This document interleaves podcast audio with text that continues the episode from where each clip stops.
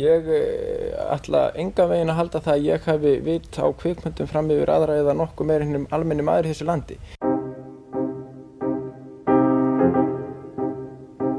Og ég spyr þig, telur þú þig hafa það mikið vit á kvikmyndum að þú getur dæmt um þetta listræna atrið?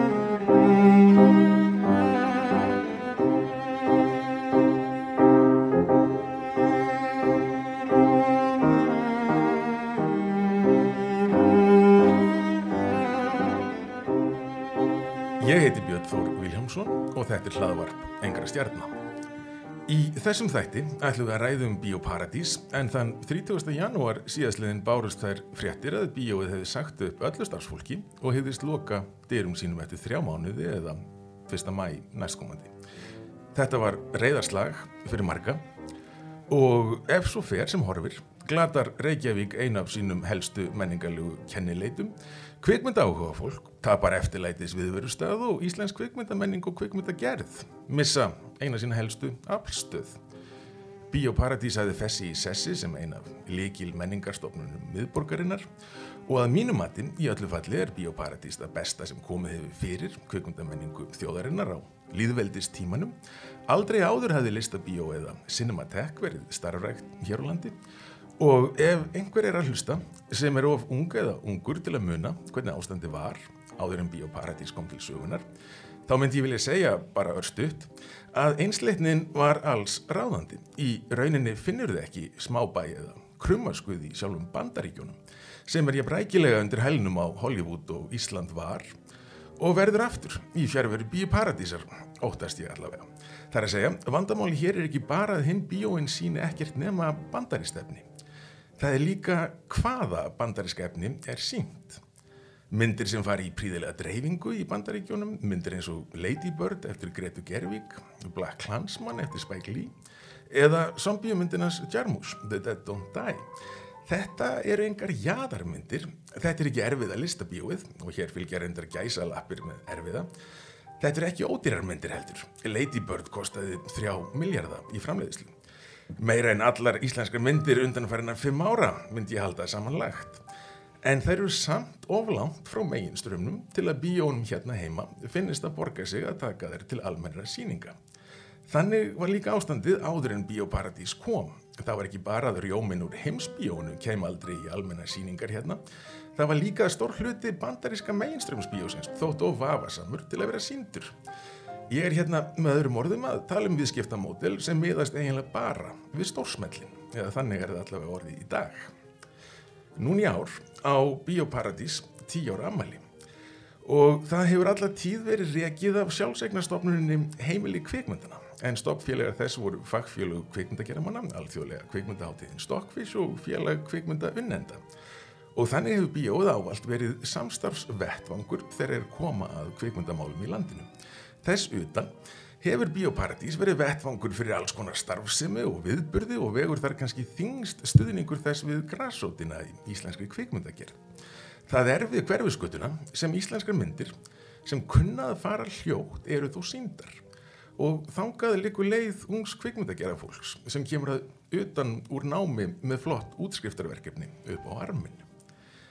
Það er næstum óhugsandi að þessi indislega stopnun muni innan skams heyra sögunni til en með mér til að glíma við þessa óhugsandi hugsun og ræða um mikilvægi bíóparadísar í víðum, þröngum og alls konar samhengi og hvort einhverjir kostir síðustöðinni eru Guðrún Elsa Bragadóttir, doktorsnemi í Bandaríkjónum en líka stundakennari í kvikmyndafræðinni hérna í HÍ.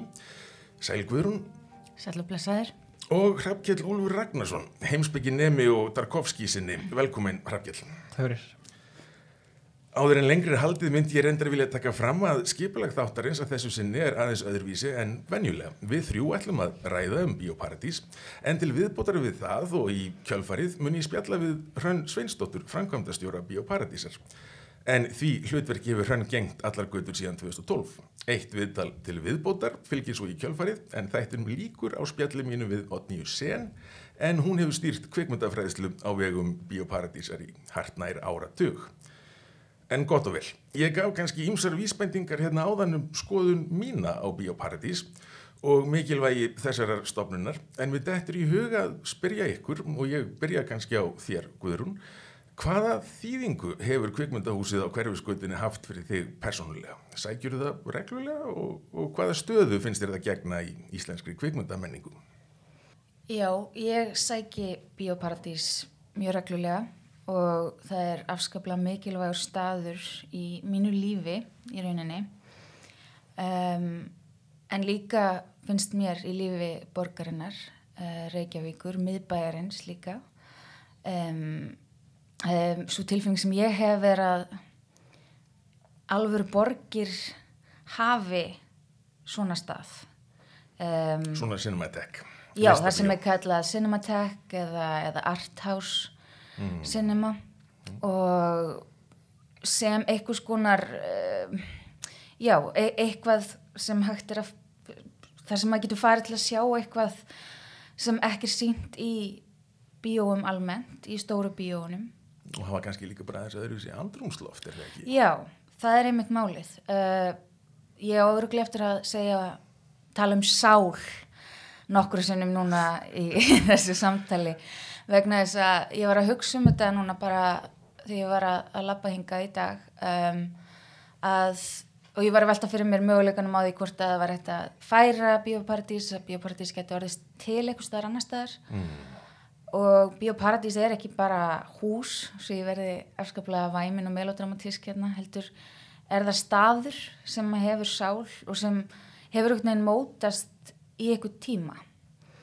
Og hann er mjög sérstakur staður fólki finnst notalegt að fara þarna Þetta er alveg sjálflega notalegu staður. virkilega um, Sófarnir og hægindastólarnir þarna innaf og, og meira, barinn meiri og- fjölbreytileiki þegar kemur að sæta svona fyrirkomulagi heldur en á flestum kaffehúsum og Einmitt. börum bæjarins eh, og einmitt hægt að fá sér kaffisúpa hægt að fá sér bjór eða, eða hvítun eða rauðvín og, og það er hægt einhvern veginn að gera kvöldið að svona alvöru kvöldi að maður fer í bioparadís maður getur sest niður og spjallað fyrirmyndina. Svo er ekkert hlið þannig að það getur enginn eðilagt myndina fyrir manni í hlénu. Ég þól ekki að fara í bíó með einhvern sem hefur mjög sterkar skoðanir og, og, og er kannski rosalega neikvæður í hlénu af því þá þá einhvern veginn litar það kannski setni hlutan en En líka bara þetta svona tilbúna rof á myndinni Já. svo að fólk geti farið fram og kefti nammi eins og þessi börn sko, þetta rífur náttúrulega atbyrðar sem bara engin kvikmyndgjara maður hugsa sér að sín mynd, að hort sér á sína mynd með þessu mætt, bara þessi ekki hlýðana og þetta sé eina bíóði sem notast ekki við hlýð ættilega því að það þyrfti að venda þetta bíó bara með öllum tildækum ráðum en, en bara Já, og, og sama gildi með auglýsingarna líka fyrst. Ég, Já, allavega. Það er mun minna. Ég þól ekki að sitja í, í búin að borga fyrir miða og, og sitja og horfa á um, auglýsingar um bílaþóttastöðar áður en að trailerinu byrja, sko. Þannig að, bílaþóttastöð, tryggingafélug, flugfélug, bílasölur, einmitt. En varandi andrúslofti sem nefndur áðan, það er náttúrulega líka plötuspilari þarna og það er alltaf einhver svona skemmtileg plati í gangi, maður kannski sest niður með rauðvinsglas og uh, slappra aðeins af áður maður fyrir á myndina. Það er ekki Já. sem svona að hafa kert í útkverfi og vera statur inn í einhverju svona steinstipu gímaldi og, og alltaf um gaman, miklu betra að ræða um myndina eftir að maður er búin að horfa á hana alla í staðin Já. fyrir léminni einmitt. þannig að sem, já, sem rými, sem staður er Bíóparadís sem sagt eitthvað sem er alveg sérstakt í, í svona allavega kveikmyndamenningunni hér í Reykjavík Fyrir utan það að þau sína náttúrulega myndir sem er mjög oft heilmikið um að segja sem, sem fólki langar að tala um. Uh, Já, og ég tek og, og ég stundu sitt þarna bara með tölvuna mín og er eitthvað að vinna og ég tek eftir því, eftir því þegar fólk kemur út á myndinni að það er oft í ansið svona ákveðum samræðum um að því, að því að þetta eru oft óvennilega myndir og um, já, Já, eitthvað sem að þarf að krefja Er, já, ég meina ekki það, ég sé ekki mikið niðri fyrir því að geng út af Fast and the Furious 9 en, en það er með þetta jafnvel enn frekar tilfellið eftir svona þessar náttúrulega heimsklassa myndir, þetta er náttúrulega brjóminn úr, úr svona heimsbíónu sem vill geta hann skila sér inn í Bíóparadís. Já, og það reyndar verði bara að segja frá því að núna í vikunni, held að það verði í fyrirdag, þá fór ég í Bíóparadís. Má ég skjóta hérna inn að þáttur reyndi ekki upp á fimmtudegi þannig að þú ert að tala um þriðjudaginn 11. februar sennilega. Það er rétt, það er rétt. Uh, við skulum, ef ég á að setja hlustendur inn í aðstæðunar þá höfðu einungis tveir sólarhingar liðið frá áskasvelunar hátíðinni eða tæpir og ég hef ekki séð ég hugsaði bara, ég, ég, settist uh, með vinkunum minni við borða að spjalla í biopartís og allt í henni fer staðurinn að fyllast af fólki. Og ég hugsaði Já. hvað er að gerast, er einhver frumsýning eða bara hvað er í gangi? Og þetta var líka hópur af fólki sem ég fannst ekkit maður, maður sér ofta ekkit í par- bioparadís. Um, eld, eldri hópur jafnvel en þá voru þau öll á leiðinni á Parasite Já, sem var þá nýjórðin gjössanlega heimsfræk sem, já, sem sem, fyrsta sem hafði slegið svona rosalega í gegn og unnið mörg stór verðlun, Óskarsverðunaháttíðinni Já. og eini staðurinn sem er búin að vera sína þá mynd er Bíóparadís. Já, Eh, það er enda mjög góða punktur. Minn sem hefur þjænað yfir 200 miljón dali á heimsvísu unnið öll velun sem hægt er að vinna í kvikmynda heimum, þar á meðal öll mikilvægust Óskarsvelunin, það var breytt bíó á Íslandi sem lagði í að sína þessa myndi í fyrra og það var Bíóparadís þetta er náttúrulega öruglega allt samsæri, þau eru öruglega búin að sannfæra Óskars Akademíuna um að veita Parasite. Mennur Bíóparadís? Já, já, Já. þau eru náttúrulega, þau vissu að ef að Parasite fengi þrjú stór Óskarsvelun, er þið bíónu borgið. Ok, Ég er nú ekki vissum að, að, að það sé bara einn bíómynd sem, sem skilji milli, milli feiks og ófeiks þarna en ég skil hvað að meina. Þetta er, er bara, hlýtur vera gaman vegna þess að, að ég meina eins mikið og ég, ég elska þetta bíó og ferðangað eins og oft og ég get. Og mér hefur alltaf fundist spinu sorglegt að vera að labba þetta inn kannski á þriðutaskvöldi á tíu síningum og maður er einn í stóra salin. já, Uh, og þar kannski erum við að koma að einhverjum svona atriðum sem þyrfti kannski að ræði sem þetta við rekstra grundvöld bíósins en uh, Hrafkjell, ef ég myndi bara áður en lengri haldið beina uh, sömu spurningum uh, til þín uh, heimsækjuru Bíóparadís reglulega, er þetta mikilvæg stopnun að þínu mati eða á þetta kannski ekki eftir að breyta miklu ef, ef bíóð hverfur af sjónasviðinu? Já, uh, ég hef sótt Bíóparadís reglulega síðan 2013 og á margar góða minningar þaðan. Uh, einu af þeim minningum sem ég skapaði mér í Bíóparadís var þegar ég bauð yngri bróðar mínum á rústarska komendina Speillin eftir Tarkovski. Uh, Þú bauðist yngri bróður þín, segir já, á, á, á Tarkovski myndina Speillin. Já. Hvað var hann það má ekki, má ég uh. Hann var 15, nei, hann var eldri en það, 16, 17. Hvað seg, hvernig er þetta barnavenda sjóna með þessu? Uh, Fyrir ekki, halda ára. Uh, en þannig að þetta er svona stað, staður trámans í lífi hans, Þetta er svona uppruna, getur verið, getur verið. Uh, en já, hún var sýnt þetta á svörtum sundi að, hérna, fyrir svona tveimur, þreimur ég. En já, bróður minn er ekki að mikill kvikmynd áhugaður maður, áhugaður maður ég og að hérna eins og þetta bentið á þá vissi hann líklega ekki alveg hvað hann var að koma svo út í. Uh, myndin var mögnuð og hún varst það líka uh, þótt hann átti erfitt með að tjá sig um hana því hann hafði aldrei upplifað neitt slíkt áður. Uh, og ég mann svo hann spurði mig stöð eftir sýninguna af hverju ég horfði svona mikið á kvikmyndir af því að þetta er svona kannski að tala um kvikmynda ástin hjá mér er þetta svona kvikmynda fíkn, gíska já. Kvikmynda fík, segir Já, ég held að það sé frekar þannig. Uh, og ég svara honum með orðum að hérna, fran- franska leikstjóran sagði hérna, Francis Truffaut. Uh, þegar hann sagði þrjár kvikmyndir á dag þrjár bækur á viku og nokkrar góða plötur af tónlist væri nóg til að gera mig hamingi saman það sem eftir er. Uh, og svar mitt gerði hann djúpt hugsi uh, og svo virtist hann í fyrsta skipti skilja mig til fulls sem ég ást frekar ánægilegt uh, einnig er mér umhugað uh, Og mér eftir að hafa séð Tarkovski myndina, Já, þá, þá öðlaðist hann dýpri insýn í tilfinninga og vitundalíf bróður síns. Já, mikið rétt, það það.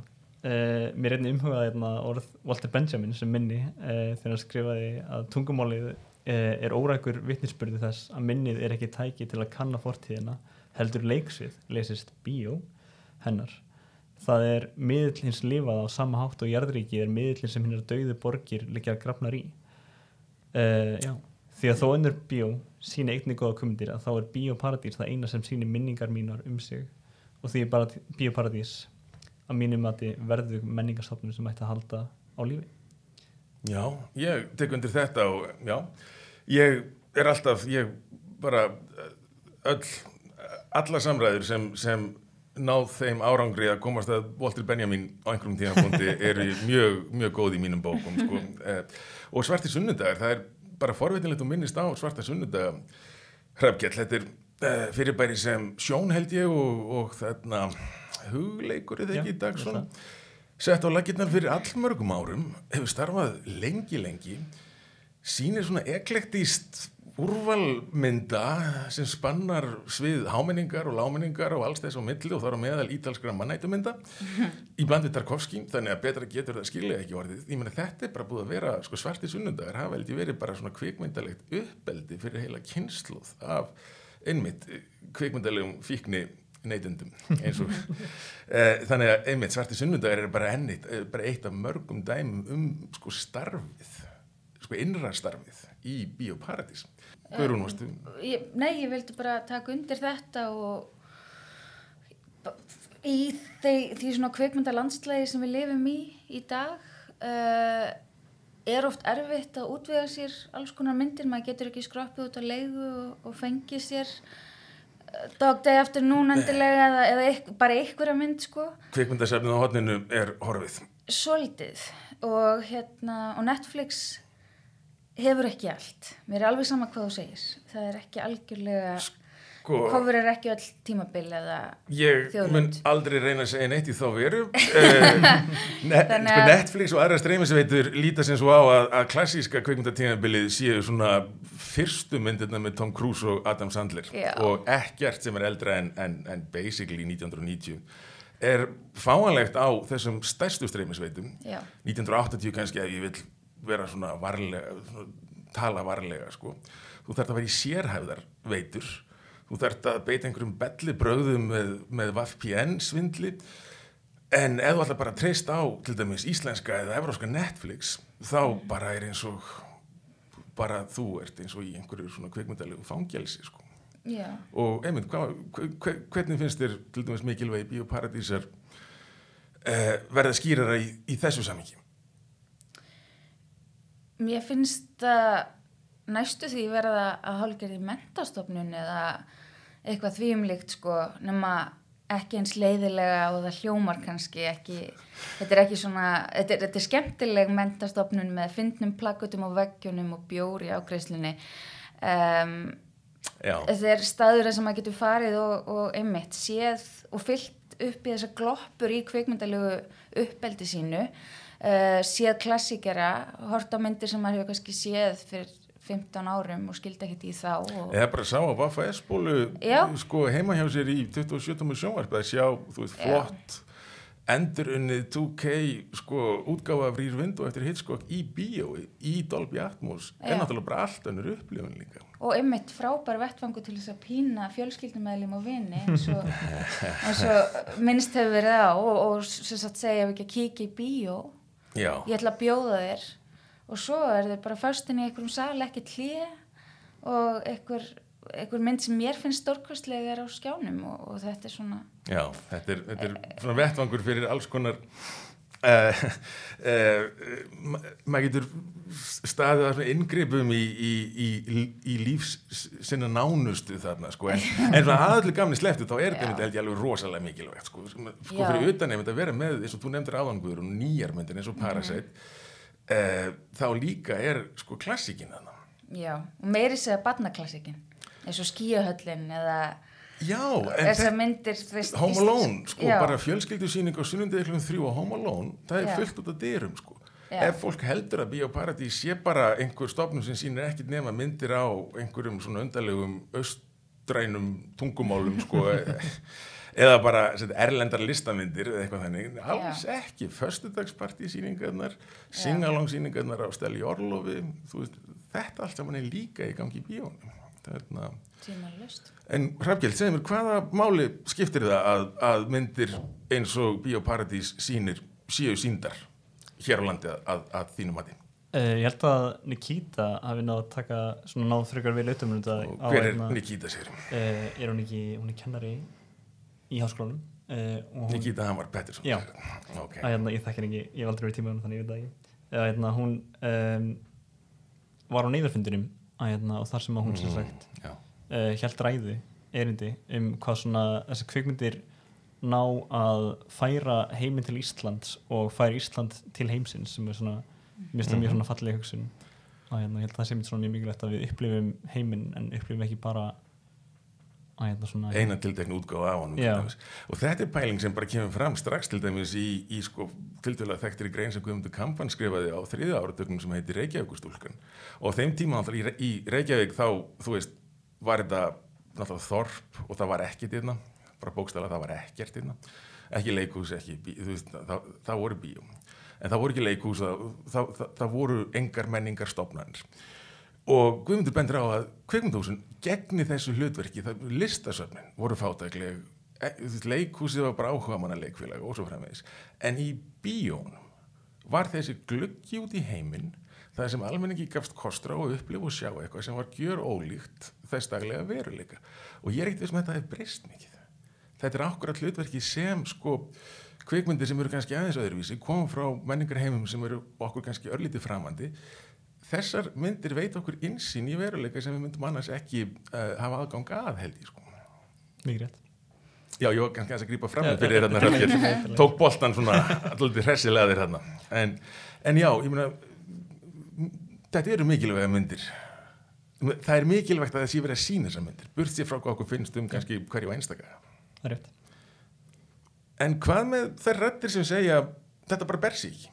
Það er ekki nægur áhí ef fólk vildi í rauninni svona efni þá væri Bíóparadís hetjuleg kapitalísk stofnun, sjálfbær og meiri en það. Einhverja fjölskyldur ætti sumarhús á Flórida þau sé Bíóparadís. Hvernig svara maður uh, þessum röttum Guðrunelsa? Já, það er afskaplega góð spurning og getur reynst erfitt stundum en mér finnst mikilvægt að taka til til þess að listir eru mjög oft studdar af ríkinu hér á landi. Við erum pín Ekki, bara hér á landin, og, og annar staðar uh, í miklu stærri löndum. en- eiginlega allstaðar við erum pínulítil þjóð svo agnarsmá að við gætum ekki haldið uh, almennilegum menningar yðnaði í gangi nema vegna þess að borg og ríki styrkja slíka starfsemi. Hvort sem það eru listasöfn, leikhús uh, uh, bókmentir sem sagt þessu starfslun uh, reytöfenda mm uh, byggja hörpuna.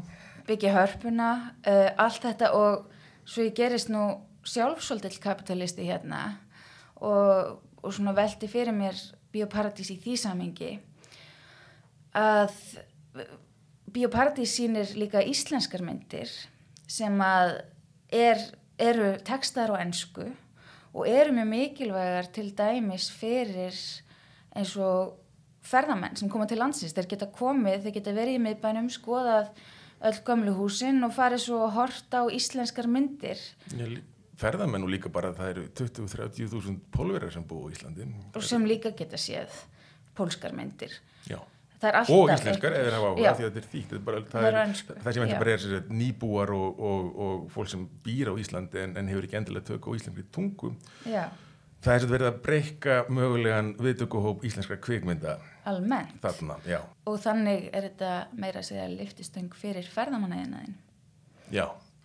Uh, nú myndu einhverjir kannski benda á að, að ef þú ætlaðir að reyna að réttlæta samt sem áður sem sett útgjöld hins ofinbæra tilmenningar á efnagarslegum grundvelli þá, já, hugsanlega myndir þú kannski á endanum tapa einhvern veginn stríðinu eða þá bara þú sért búin að gangast of mikið inn á forsendur anstæðingana sko. Eh, þannig er oft talað um svona hagræn áhrif kvikmyndagerðara til dæmis og talað um afleitt störf og svona verið að týna til einhverja rakara og klippara sem, sem þú veist fá meiri vinnu á neskupstöða því að það kemur tökulið ángað sko mér persónulega finnst þetta ekki skipta einu einasta máli. Ég, sko bara vegna þess að menningar stig þjóða er bara afskaplega mikilvægt sko. ef við ætlum að tala um Björk eða Baltasar Kormák eða Haldur Lagsnes í þorsk ígildum þá ertu bara komið niður á það plan einhvern veginn í umræðinni og, og bara það menningarplan og stiga það er bara einhvern veginn þetta er hálf það er erind að leysað faraðangað sko. ef þú gerir þér á engan hátt grein fyrir þýðingu og hlutverki menningar í mannlegu samfélagi þá náttúrulega bara mynd þú vera á kommentakerfum DFF að trillast á hverju einasta árið þegar veittir úr launasjóðum listamanna það bara er þannig, þannig verður þú þangað til út deyrið. Ef þú hins vegar samþykir það að, að menning og list skiptir máli fyrir samfélög, að skipta okkur máli að, að, að Haldur Lagsnes hafi skrifað sínar bækur að Björk sér til og, og þarna Björgun Haldursson sé okkar Elvis uh, þá þarna uh, þá hlýtur maður að, að vilja svona uh, næra og tryggja og passa upp á þessa hlið samfélagsins. Og eins og þú nefndir Guðrún, þetta er ekki bara Ísland sem til þess að þurfa að styrkja listirnar og, og menningar hliðina það þarf ekki að gera það ef bara, við ætlum að hafa bara verbúð hérna, ef allir fara bara að, að, að, að vinna í einhverju fiskvinnslu þá þarf ekki að gera það. En ef þú allir ekki að hafa þetta þannig þá verðist öllum þjóðum finnast þetta að vera mjög mikilvægt. Ég meina Frakland er 80-90 miljón manna þjóð öflugasta styrkjagerfi sem ég veit um ykkar lista, Bretland styrkja kvikmyndir allir styrkja kvikmyndir, eina þjóðum sem það ekki, svo ég veit, eru bandaríkin. Eh, og þau bara og, og þangað er vísað yðurlega af þeim sem eru andvíir svona hlutum en það er líka bara eina dæmi sem þú hefur og þú ert líka með svo skektan samanburð ef þú heldur og getur borið saman 330 manna uh, þjóðland og 350 miljón manna markaðisvæði sko. uh, Vissulega og, það er ekki eins og styrkir kom ekki til lista í bandaríkjunum með, með öðrum hætti. Uh, það er meira að segja er stundum leita til engaðilega til að fjármagna viðgerðir á vegakerfinu og ef maður keirir um í bandaríkjunum stenda kannski, er kannski skilti við veginn þessi stendur að þetta nýja, þessi nýja mál, malbyggun sé í bóði þessa mannvinnar sem er, er þá einhver miljardamæringur Já, og, og, og, og nýja álmann í móma er Já. fjármögnuð af, af, af einhverjum miljardamæringi. Þannig að, jú, bara munurinn er þó í staðin fyrir að þetta sé eftir einhverju formlegu og ofnbyrju kerfi þar sem fólk ber ábyrð á gjörðum sínum, þá hefur þetta treyst á einhvern veginn lundarfar og gæsku einhverja örfara miljardamæringa sem náttúrulega er ekki í neinu sambandi við venjulegt fólk eða ven- venjulegt samfélag og vill bara reysa sér einhvern svona uh, minnisvarða, sinni minningum. Og ég held að við Íslandingar séum kannski orðin svolítið skeptísk á þessa leið eftir hrun. Mm Mhm. Okkur fannst þetta sniðugt en núna sjáum við kannski að þetta er ekki eitthvað sem að er hægt að treysta á. Nei, einmitt. Uh, Hrafkjell, Já. eða ætti að, að, að svara þessum röddum enn frekar. Uh, mitt eftir í hug orð sem er eignið Tarkovski í þessu samengi uh, þegar hann á að hafa sagt að kvimundalistformið væri óhamingisamasta listformið þar sem það væri hvað dýrast í framleiðslu maður ljóðskaldi þarf ekkert annað en bláða blíjant að þá þarf kvimundalisturinn ofgnótt og dýrum kvimundabúnaði til að geta unnið í sínu listformi þannig að það er alveg satt já að, að kvimundir eru mjög dýrar en það er líka alveg þessi virði. Ég held að ég allir eigi í lífi sínu að minnstakosti eina svona þvílíka kvikmynda að hérna áhorfsreynslu sem að eiginlega svona réttmætir listformið og allan annan pening sem lagt er í það Þú minnir þá á íslenskri kvikmynd, það sé eitthvað moment þegar þú sást íslenska kvikmynd og þú varst bara þetta að tala til mín. já, Já, já, já.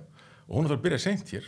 Ég meina, kvikmynda vorið svo kallega 1980, einmitt vegna þess að við vorum ekki reyðbúin til þess að leggja uh, fjármagn í þessa uh, grein fyrr.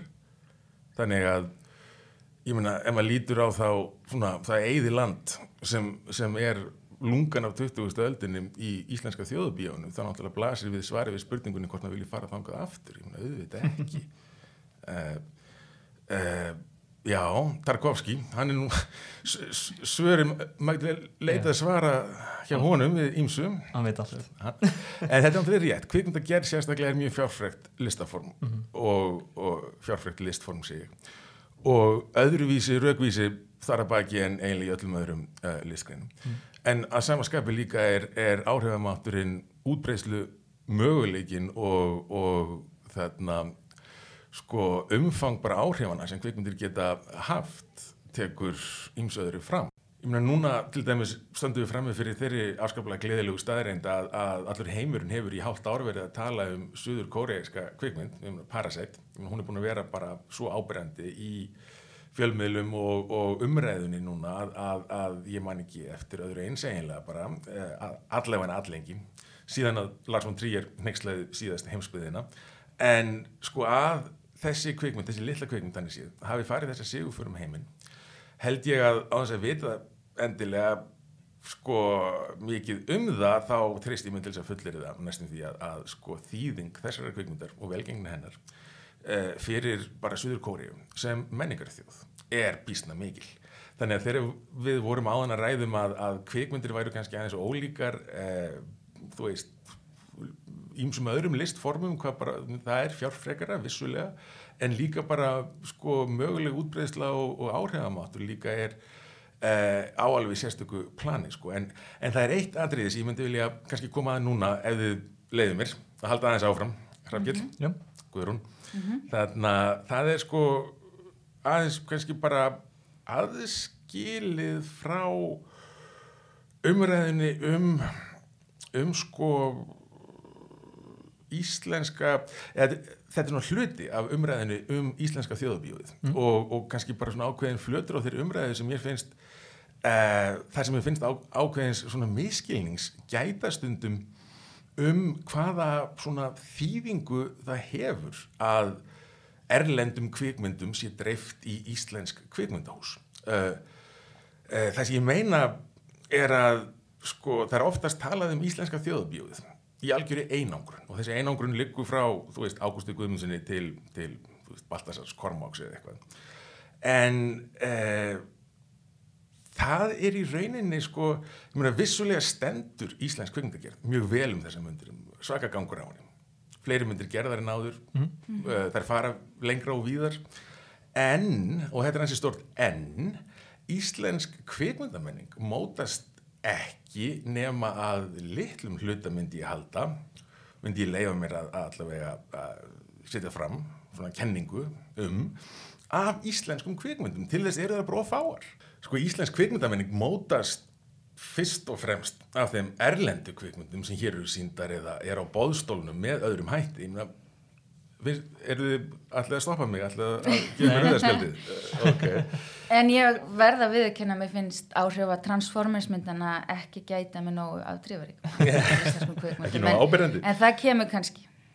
Já, sko, ég held að það sé svona sko, það er, það er svona, svona daldið eins og kannski einar ben. Þetta er svona, mun bara krauma undir niður en, en að eilífu, sko. uh, nei, svona að grínisleftu, sko, þá, þá þarna, uh, sko, held ég að maður hljóti bara að, að ef maður horfir á þetta í aðeins svona víðara samhengi þá held ég að maður hljóta að komast að þeirri niðurstöð einhvern veginn að Íslensk kvikmyndamenning sko og þá þegar ég segi kvikmyndamenning þá brá ég við svona almenna menningarnisla á þessu sviði eh, þetta er svona viðtökufræðilegt aðriði en svona að skilningur okkar á eh, listforminu og viðmið í garðvers eh, eh, og svona einhvern veginn stærðin og umfangið sem þessi miðl hefur bara í vitund þjóðurinnar og einstaklinga eh, sko grundvallast á erlendu myndunum sem eru síndar hérna. Þetta er okkar kvikmyndalega uppeldi bara eins og við töluðum á hann um svarta sunnu mm. sko. Yeah.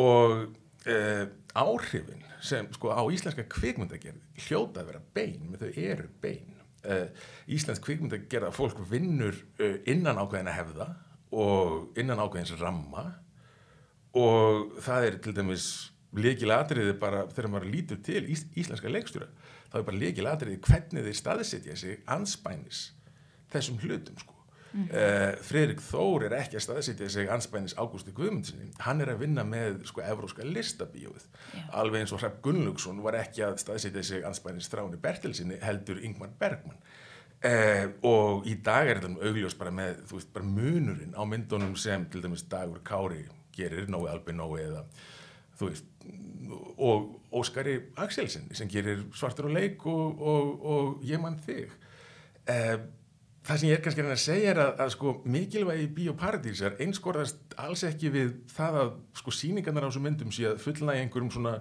listasnops metnaði einhverja svona latti lepjandi trefla í, í, í miðbænum. Þetta er ekki bara spurning um að sína ákveðna kvikmyndir, þetta er spurning um sko kvikmynda menningu, bara okkar þjóðarbíos okkar þjóðmenningar. Og, og sko veist, hvaða kvikmyndir eru veist, hvað, hvað tegunda kveikmyndum höfum við verið að gera og hvaða tegunda kveikmyndum er líklegt að Íslensk kveikmyndagera fólk sé að glíma við á komandi árum og áratugum? Það eina sem ég veit um það er að þeir eru ekki að fara að gera Marvel-myndir. Þeir eru ekki að fara að gera myndir sem kosta hundruði miljarda í framleiðslu. Það er aldrei að fara að gerast. Þannig að hvaða þýðingu myndi það hafa ef einu kveikmyndirna sem eru síndar á Íslandi eru ákkurat þær kveikmyndir sem aldrei verða gerðar einna Uh, nú er ég bara búin að fara svo langt fram úr mér og ég, er, og ég ætla bara að gefa boltan yfir til ykkar í vonum að það sé eitthvað þannig sem, sem við getum tekið upp og, og fleita áfram. Hmm. Ég get byrjað Já, já, gerð svo vel ætna, Þetta er áhvert að ætna, tala um hvernig svona að því að bíoparti sem ekki svona menningarstofn og það er eiginlega einmitt núna sem að svona uh, íslenska kömyndir er loksins að uh, gera eitthvað almennilegt verður þetta að segja Uh, og ég held að Bíopartís spila alveg stórt hlut ekki í þessu uh, Ger eitthvað almennlegt í þeim skilningi bara þær eru svona kannski á nýju árþúsundi hafa verið aðeins svona tæknileg umgjörður já, bara, betri og, og margt svona bara já, já bara Þeir standa á aukslum risa, það er alltaf bara hefð. Það er rétt. Uh, og þessi hefð skilur er að þróast í, að, hérna, í mjög jákvæða átt að mínum vati og hérna, ég held að Bíopartís styðjum við þá hefði mjög mikið og ég held að það sem er kannski að mikilvægt líka að hafa í huga er að, að, að samtalið sem þú átt uh, um bíómyndina eftir að uh, eftir myndina sérstaklega í bíóparadís getur oft verið mikilvægir heldur en myndin sjálf að ég smýr allavega. Og ég held að þú upplýðir það ekki myndi í öðrum bíóum þegar þú ferð kannski í einsöldina þá nærði ekki þessu djúpa samtali um bíómynd á meðan þú lappa í kvöldanum í bílastæðinu en ég held að það sem er mjög legt bara þessi aðstæða sem að bílpannir þetta er nærandi umhverfi sko, og, og konduktíft fyrir sko bara þáttöku í einhverju sem líkist alveg kveikmyndamenningu sko frekar en bara maður sé að þramum eins og einhver kapitalískur þrællur metropóls eftir Fritz Lang til starfa með því að fara upp þessar uh, rennistega þarna og lappa í sjoppun og sen inn í salin og sen aftur út og út í bíl og keira eftir einhverjum já. Svo við hljómum ekki eins og einhver snopphænsnýðna þá langaði mig bara að koma því að að mér finnst full ástæði til þess að til þessi niður og ræða um allar myndirna sem eru síndar í stóru bíónum líka. já, já, einmitt, það er oft mjög margt um það að segja. En vandamálið er oft að það er ekki almennilega aðstæða til mm. þess að verja tíma eftir myndina í rónæði uh, eftir vegna þess og það er náttúrulega ákveðin áhersla á að það sé nóga bílastæðum í kringum uh, bíóin. já, og, og minna um kannski staðir sem allir geta röllt yfir á og, og sest niður og fengi sér kaffi eða bjór. Og ef þú ferður tíu síningu í Vestlunarmiðstöð sko, þannig að það bara er líka búið að loka já, búið að loka.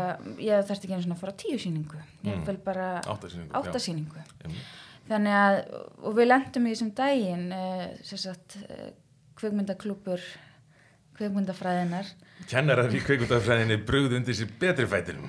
Já, og, og skelltu sér á Tarantino nýju myndina, mm, Once Upon a Time in Hollywood. Í smára bíu sem er einmitt með frábæra sali og, og, og fínt að fara þangað en eftir á vildum við náttúrulega tala spekingslega saman um, um upplifunina og, og þá tókst okkur ekki betur upp en svo að við fórum inn á uh, stað sem að háfaði var um mikill. Já það var ekkit í smáranum sko Nei, við, við kerðum neyri bæ mm -hmm. og þú veist þá öll að finna okkur stæði á meðan ef við hefðum bara farið í Bíóparadís þá hefðum við ekki eitthvað neina já, farið, já. þannig að það er og við endiðum á svona skemmtistað sko, sem já. bara, það maður heyrði ekki bara í manneskunni sem var við hliðin á manni. Við vorum samt með við vorum að reyna að velja, þá voru ímsi staðir háværari en þessi sko. Þannig að einmitt samræðirna voru svona ég mann voru lítið úr þeim en það heyrði ég voru lítið af þeim. Þannig að þetta er bara ákveðið vandamál og nú myndist ég á bílastæði og auðvitað getur maður alveg fundið stæðin álat biopartís, ég hef mér þess að lendi í því að þurfa að keira á síðustu stundu úr norðumýrinni mm. það tekur mig bara 20 mítur að lappa hvort er kannski mm. en ég hef þurft að bruna af því ég er að missa síningu og, og þá, þá hef ég alltaf fundið stæði bara svo það þeirri rött uh, eh, DFF komandakerfi sem sé svarað að það eru tvö bílastæðahús mjög nálegt og, og oft, já, oftast mjög auðvelt að finna stæði bara í næstu götum. Einmitt. Um, einmitt, nei, nei, þetta er náttúrulega bara einmitt maður, það er, talað mikið um þetta. Dagur, herferð. Helfur dags gegn enga bílum hérna, sumt af því sem við höfum verið að segja og þegar ég segi við þá meina ég eh, mætti kannski tólka með íllum vilja sem svo að, að ég sé heimsins stæst, stæst á háværast gaggandi snopphænsni í heiminum sko. ég er alls ekki ég, ég meina það sem ég er að segja sko, alls ekki þeim skilningi að það sem hinn kveikmyndahúsin og stóru fyrirtækin sambjóin sena og myndform er að sína að þar sé ekki margt stórgott sem það er á köplum eins og Tarantino myndi eins og þú nefndir og bara, þú veist, Óskarsveluna myndirnar og alls konar, þú veist, bandarís kvikmyndagerð er náttúrulega búin að vera leiðandi á heimsvísu í hundrað ár sko. þar er margt mjög gott en vandamáli sem við erum að horfast í augu við er bara ef það er það eina sem við höfum, sko, þá værum við þá stæðum við anspænis eh, eh, vandamáli og það bara er líka burt sér frá stöðu snopphænsna stöðu minni persónulega þá er bara faktist heilmikill munur á kveikmyndaframleiðslu í bandaríkjunum þar sem hún hefur verið yðnvætt líkt og um bara flugvila framleiðslu sér ræða. Þetta eru risa alþjóðlega samstipur sem verja tugum og hundruðum miljardar í að framleiða tiltekna markaðsafurð sem má ekki uh, koma út á tapim þannig að bara munurinn á þessu og, og myndinni sem Martin Þórsson gerði XL með Ólafi Darra og, og þarna fleirum sko gerða á stuttum tíma fyrir engan pening. Bara munun er svo mikill að þetta er í rauninni bara um tvær aðskildar sko kvikmyndategundir að ræða sko. Báðar hafa heilmikið til síns máls og hvort það ger, er að gera bæði vel og illa. Það er stór munur á velgerðri Hollywood hasarmynd og illa gerðri Hollywood hasarmynd. En við bara við, við okkur blasa engin vandamál þegar að dreifingu Hollywood hasarmynda kemur í Reykjavík og á Íslandi. Vandamálinn virðast vera hvað ef það bara uh, hvað ef það er lokað á sko heimsbíuð Já, ég held að þessi mynd tengt svona held ég aðgengi mjög mikið. Mhm. af því að ég held að ég er búin að minnst á Netflix til dæmis og að svona stóra streymuvitur að Mm. svona aðgengi að um, lítið þekktum kveikmyndum er yfirlt að amalegt og skilur Mhm. og margir, fyrir marga er biopartís eina að hérna uh, leiðin til að sjá sumur þessar myndum. Er lög, löglega þar að segja. Það er það, ég meina ef við myndum öll einsetja okkur að, að þarna horfa á Citizen, Kane saman í kvöld eftir lögleðum leiðum þá uh, væri ekki hægt að sjá hana á streymisveitum, það væri ekki hægt að sjá hana í kveikmyndahúsi, það væri ekki sjónvarp, við, við þyrftum að treysta á þess að einu myndbandalegu kannski sem eftir er og það er ekkert víst að hún eigi hana. Og hún gæti líka verið í útlegu af því að samkeppnin er alltaf hörðum Citizen Kane. það sem ég meina er bara það sem er almennt talin besta kvikmynd allra tíma, hún er orðin óaðgengileg okkur ef við myndum vilja horfa á hann í kvöld. Rétt. mikið rétt. Og ég, ég tók líka eftir að við erum búin að minnast á svolítið marga karlmenn núna þegar við erum að tala um Mm, kvikmyndageramenn uh, og eitt það brínasta sem að þarf að gerast í íslenski kvikmyndagerð uh, þessa dagana er að konur séu svona virkari í þessum bransa. Þær eru þáttaka þeirra í kvikmyndagerð á Íslandi hefur verið að minka mm, og mér þætti forvitnilegt uh, að sjá hvernig það væri ef, ef tölfræðin væri tekin saman um til dæmis uh, kynja hlutföll leikstjóra í til dæmis þeim myndum sem eru síndar í Bíóparadís á móti kynja hlutföllin í uh, á, á móti kynja hlutföllunum í stóru kvikmyndahúsunum. Mjög góður punktur. Uh, konur þurfa að sjá myndir eftir konur og allir þurfa að sjá myndir eftir konur fyrir utan það. Uh, að samaskapi er bioparadís með mun meiri fjölbreytileika þegar kemur á ólíkum menninga kemum til dæmis er hérna valentínusardagsmyndin þeirra Já. Paris is Burning Það er sem er það pönkaðasta sem ég veit Það er um. frábært, já. Indisleg mynd. Er- gerð af hvernleikstjóra stjóra, eða, já, gerð Mhm, af hvernleikstjóra, ekki tveimur. Uh, og um dragstennuna í New York uh, 1990 Mm. og fjallar aðalega um dragdrottningar og transkonur sem eru ekki flestar ekki hvítar. Þannig að þetta er, þarna séum við bara mjög mikinn fjölbreytileika og að þetta sé í bóði gerir Reykjavík að borg sem ég langar að búa í. Uh, ég er alveg já, prefin af því og, og, og aðrir að fara á væmnar Hollywoodmyndir þegar að ég vil Já. upplifa romantíska stund Mhm. uh, Og við tökum undir það hrappgjald, ég alveg hrein, sko, bara svo það sé Já. á hreinum að ég er núna að þinga hrappgjald til þess að taka. Nei, en ég meina auðvitað, einmitt, þú veist, þetta er, Hugh Grant uh, á sér sérstakann staði hjart okkar allra held ég uh, og hans myndir og Brad Pitt, sko. já, já Uh, ég er bara að hugsa um svona Notting Hill og, og hérna allar þessar myndir með Júliu Ég er um. Brad Pitt vinnandi að þak við gerðum. uh, en, en bara, þetta var svo frábær punktur sem komst með um, um kvenleiksturinn, vegna þess að bara meðan þú, meðan ég er að hlusta þig, þá er ég að hugsa Eh, er myndir sem mest aðteklega hafa hlotið núna til dæmis á síðustu mánuðum bara sem er leikstýrt af konu, það er Highlife eftir Kletin í, það er málverk af lofandi hefðarkonu eftir leikstýra sem ég bara því miður man ekki Skjam, Selín Skjama Já, nákvæmlega, takk fyrir Það það. er besta mynd síðast árs Uh, báðar síndar í Bíóparadís. Núna er verið að sína uh, eftir brúðköpið eftir sem Susan Bier leikstýrir, ég man ekki eftir í svipin kvikmynd sem hefur verið sínd í stóru samsteipunum eftir kvenleikstýrum, ég skjáttast öruglega en ég man ekki eftir. Uh, Little Women ég. Já, núna, akkurat, Little Women En þú, Takk. þú minnst á, hérna, á hefðarkonuna sem að held ég kannski getur leitt okkur í Júfa uh, síningunar, síningarnar að, hérna, sem að eiga held ég að vera síndar í Bíóparadís en ef að þeim verður lokað ef því verður lokað þá verður ekkert úr því held ég. Uh, Tökum tvö skrifa aftur á bak Nei. Evrósku kvikmyndavelunin Já. verða veitt í hörp í desember 2020 í, í, í fyrsta sinn uh, uh, Þetta er stærsti kvikmyndamenninga viðbyrður Evrópu okkur í árim og, og þarna uh, þetta er mjög skemmtilegt fyrir okkur að, að vera gestgjafar uh, það eru 6-800 mann sem munum fljúa hinga til lands í desember til þess að taka þátt í þessum viðbyrði Eh, alls konar myndir eru tilnefndar, þar á meðal minnum við bara fimm sem bestu myndir ársins, Evróskar. Ef Bíóparadís verður lokað núna, það er það sem þetta benda á hrefkjallið ekki, Jú.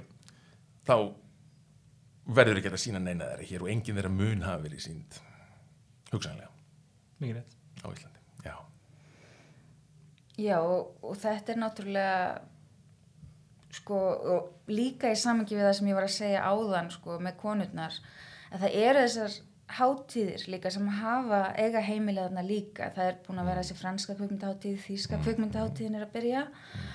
Uh, um daginn var líka haldin í fyrsta sinn uh, Reykjavík Feminist, Feminist Film Festival sem Já. var haldin í fyrsta sinn á Íslandi núna um daginn bara fyrir mánuðum síðan. Já, og þá og þetta er eitthvað sem maður sér ekki í stóru bíónum að, að sambíóin séu með feminíska kveikmyndaháttíð þess að þau sína bara myndir eftir konur. Nei, og þarna var verið að sína ólíka myndir eftir hvern leikstjóra frá ólíkum löndum en líka einmitt verið að sína gamlar íslenskar myndir eftir Mm, konur já, til dæmis Ágirnd frá 1952 Já. eftir Svölu Hannesdóttur. Já, og svo var mynd eftir Kristínu Jóhannesdóttur. Og uh, að lokum, já, skilabóti söndru var þarna já. líka synd Já. Þannig að það, það eru bara sko, ýmsar hliðar á því sko, na, hversu þýðingamikið starf þetta er sem Bíóparadís er að vinna allt árið umkring sko. Þetta er mjög viðburðir af þessu tægi að sinna sko, og þarna bara finnst mér Guðrún með þessum punktiðinum um, um til kvenleikstur, sko, þá bara erum við aðeins að gera konkrétt hvað það þýðir Já, Hrafgjell uh, er, er heimsbyggingum sint nægilega vel af Bíóparadís? Já, ég myndi segja það uh, okkur heimsbygginum hefur sýnt aðvel og, og hérna, til dæmis voru heildarverk Tarkovskis síndana uh, fyrir tveimur árum og hérna, ég meina hann er fremsti heimsbyggingur 20. aldar þannig að það var mjög ánægilegt Darkovski, líkil heimsbyggingur 20. aldarinnar, já, og þetta voru einmitt svarti sundar, Já. síndu bara heildraverkið einmitt. En ef við drögum aðeins saman kannski það sem við erum búin að vera að spjalla um og, og þá aðalatriðið sem er það að ef framferð sem horfir þá mun uh, Bíóparadís láta rekstri sín innan skams, uh, fyrsta mæ, bara áttu degi verkaðlýsins, hvorki meirinni minna. Uh, anspænis þessari staðarind eða framtíðar horfum, uh, eru einhverjar lausnir í sjónmáli, myndið þið segja, ef ég kannski spyr þig fyrst, Guðrún? Það, ég, ég þóri ekki að vona neitt. Ég ætla að reyna að Nei. vera eins svart sín og ég mögulega get. Já. vegna þess að ég er ansið hrættum að, að, að við verðum ekki nógu snögg að grípa í taumana og gera eitthvað til að bjarga bioparadís og þess vegna vil ég líka að vekja ó- ótta í hjörtum eins margra og ég get um það. Mhm. vegna þess að fólki líður ofta eins og þetta bjargast allt saman. Og, veist, og ég mín viðbröð við þessum erfiðu fréttum vegna þess að þetta mun hafa mikil áhrif á lífið mitt ef að bioparadís já, lokar er að ég er búin að vera þarna nokkur sem í viku síðan fréttirna komu fara í bíó, fá mig kaffi fá mig bjór, allir sem ég hef hitt þurft að hitta til dæmis á vinnufundum eða öðru hafa þurft að hitta mig í bioparadís og það hefur endar gefist, gefist mjög vel, það hefur verið mjög þægilegt og gott rými til þess að vera í.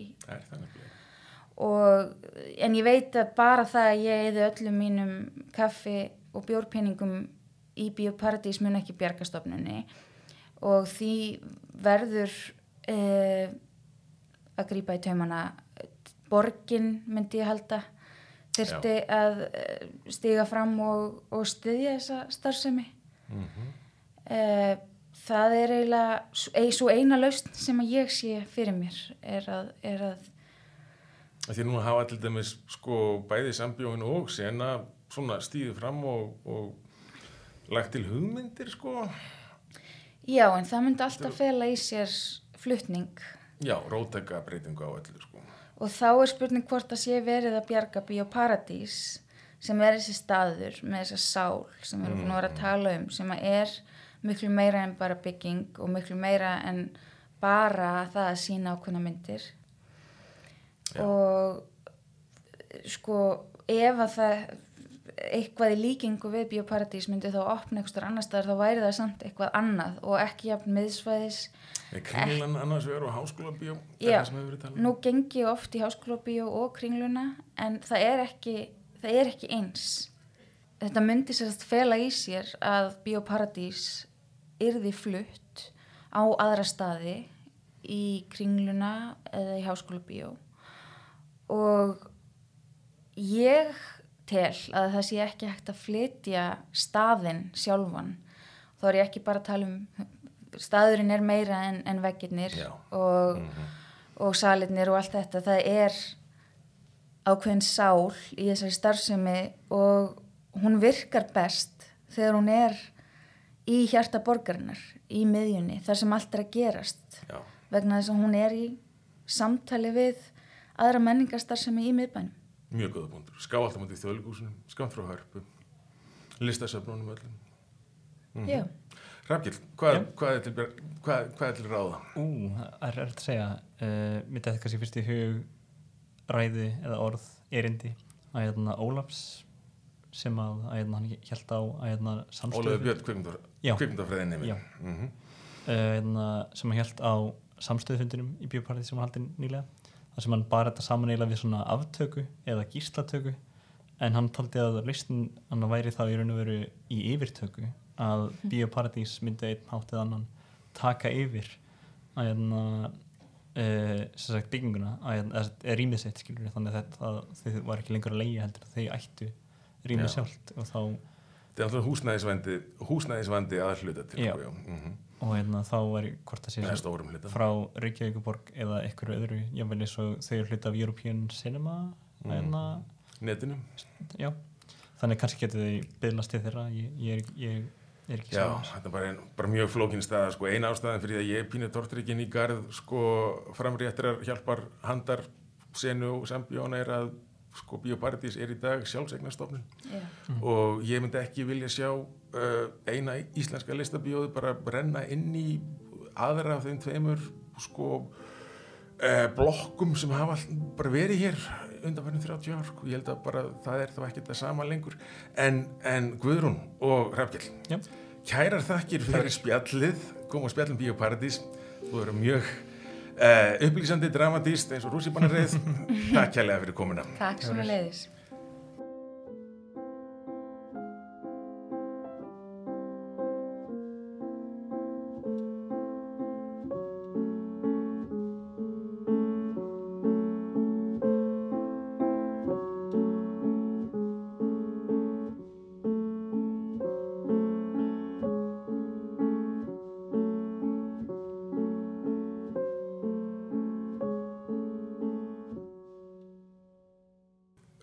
Sveinsdóttir er framkvæmdastjóri Bíóparadísar og hefur verið síðan 2012. Hún hefur þannig verið stjórnvölinn lungan af starfstíma bíósins. Dyrnar voru fyrst opnaðar tveimur árum áður en Hrönn kom til leiks og þannig er jáfnframt óhætt að segja að það hefur verið undir hennar handleiðslu sem stofnunin festis í sessi og var þetta raunsanna heimili kvikmyndana í Reykjavík. Og var þess valdandi að algjörlega fordæmalega skullöld hefur ríkt árum saman í kvikmyndamenningu borgarinnar. Sæl, Hrönn, Sæl, kæra það ekki fyrir að koma í þáttinn. takk fyrir að bjóða mér. Mörgum var brugðið, raunar hefur verið mjög gaman að sjá stuðningin í samfélaginu sem bíóið hefur notið en, en mörgum var brugðið þegar fréttirnar bárust uh, núna í lók janúar að, að uh, það væri að bíóið ætti að öllum líkindum þrjá mánuði eftir uh, uh, uh, og í fréttum sem hafa byrst af þessu öllu saman viðtölum við þig og aðra og, og, og, og, þarna bara í umræðinni virðist þetta svona snúast að miklu bara um húsnæði og leigumál og, stöðuna í miðbæ Reykjavíkur að rekstrar grundvöldur bíósins bara hreinlega uh, standi ekki undir því að uh, þessi fimm ára gamli leigusamningu sem endur nýjaður undir núverendi markaðskringumstæðin í, mið- í miðbænum er það svona cirka bát staðan á, á er, er það vandamálið í, í svona grunninn? Eh, Það er mjög erfitt að svara þessu bara með já eða nei, því að Já. þetta er miklu, þetta er hluta miklu stærra máli. Svo að við förum bara létt yfir sögu bíóparadísar, þá er það þannig að e, við, e, eins og allir vita þá náttúrulega á þessum árum og sérstaklega eftir digitalvæðinguna, þá hérna færa annarkvort loka, langflest bíó út á landi loka og mjög margir ekstra aðlar þá meðal sena hugsa sér til sets því að þú veist, þetta þarna húsnæði á hverju skötu var orðið svona of gamaldags fyrir þetta hefðbundna afþreyingabíó sem þarf að vera staðsett sko bara mjög nálagt bílastæðum og vera með svona ákveðin þægindi sem fólk gerir kröfur um í dag. Þeir eh, hafa lengi ætla sér að þarna að eh, flytja svo að þessi, þetta bíó er í niðurnýslu þegar Já. þeir yfirgefa það 2010 Já, við erum í rauninni svo heppin að þetta bíó er hluti af þrótabúi eftir hérna hrunið og Mm. horfur á fastegnamarkaði eru ekkit uh, skemmtilegar á þessum tíma svo að uh, þeir sem að reka þrótabúi þeim finnst það vænleira að leia okkur þetta á lægra verði en gengur og gerist heldur en að láta þetta sitja aukt já, og, þið, þið getur bara ímyndað eitthvað hvað þetta hefði setið lengi aukt með að hvað 17 húsnaðan spotla, ég held að það veri aukt í 6 eða 7 ári eða eitthvað álíka nákvæmlega. 2000 fermetrar, okkar húsnaði er nú reyndar 1100 en þarna var bíó. eitthvað bjóðast hagstæð kjör þegar bara í byrjun.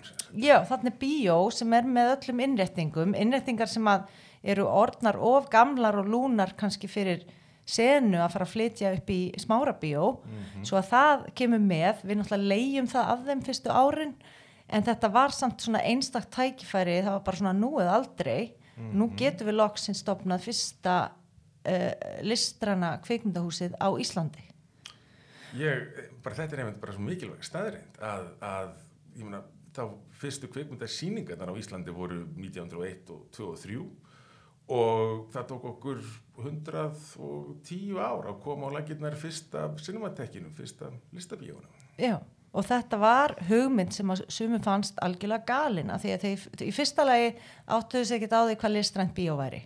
Og til hvers er það? Og þurfum við svoleiðis? Við erum með fullt af bíóm bíósókn Íslendinga er sögulega sem sagt í samhengi við aðra þjóðir miklu herri en annar staðar.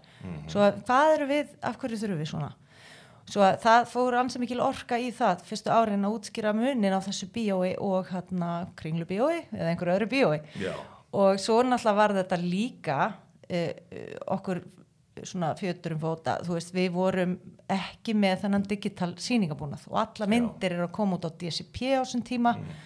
Við uh, það eru aðri sem flytja inn myndirnar á Íslandi, það eru dreifingaræðar sem eiga hinn bíóin og þeir fókusir að 95% á Hollywood myndir sína þær í sínum húsum og við erum ekki með neitt til að bjóða þeim svo við fáum ekki einu svona að vera með. Já, þú veist, fólk Ok. skilur ekki, akkur sýnið ekki Joker í bíópartís? Já, já, ok, Já. það er náttúrulega ákveðin, ákveðin visklingur á því hvert ykkar það hlutverk er og, og en á þessum tíma en þá þið ekki, hafið þið aðgang að sko núna kannski eiga sena og sambjóin réttin á miklu fleiri myndum en þau sína, er það ekki rétt hjá mér? já, en fyrir þá að gefa út myndir bara þess að sína í bíópartís það svarar ekki kostnaði það kostar, það er textana og alls konar svona. Já, Þannig ég skildi alveg frá þeirra bæjadirum Mhm. þeir fá 50% af miðaverðinu en að gefa, leysa myndina út frá framleiðendum frá rétthöfum, uh, kaupa efnið, þeksta það og, og, og láta þýða það er rosalega dýrt og ég skildi alveg að þeir fara ekkert að leggja það á sig fyrir biopartís en það sem við, svo staða sem við vorum í upphafi var að við vorum ekki með ammennilegan búnað.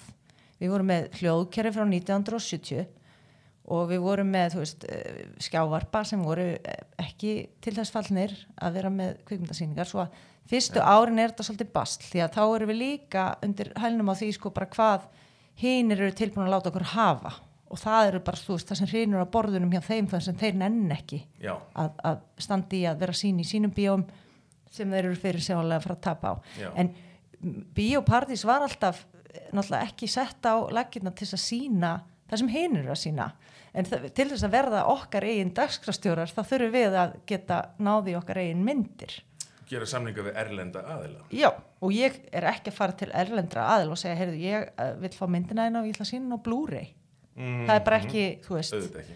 en svona tæki kosta sko á annan tug miljóna fyrir hvert sal Að, staf, að, að, að, að stafræn væða bíóði sem sagt. já, Ok, já. svo þetta var svona stóri Annan tug miljóna Já, sko, þetta er svona rúmlega 10 miljónir fyrir uh, hvert varpa, mest fyrir varpan í sali 1 og svo þurftum við líka að taka hljóðkerfi í gegn. En þetta var okkar svona stærsta viðfangsefni fyrstu árin og eh, 2012 ákvaðu það ef við gætum ekki farið uh, upp á þetta stig, þá væri við ekki, þú veist, þá væri þetta bara sjálf hætt Já, og það var náttúrulega aðsóknin var, þú veist, hún var, hún var svolítið slög en þú Mm. veist, alveg skiljanlega að við gátum náttúrulega ekkert keft á þessum, hérna, á sama level og önnu bíó.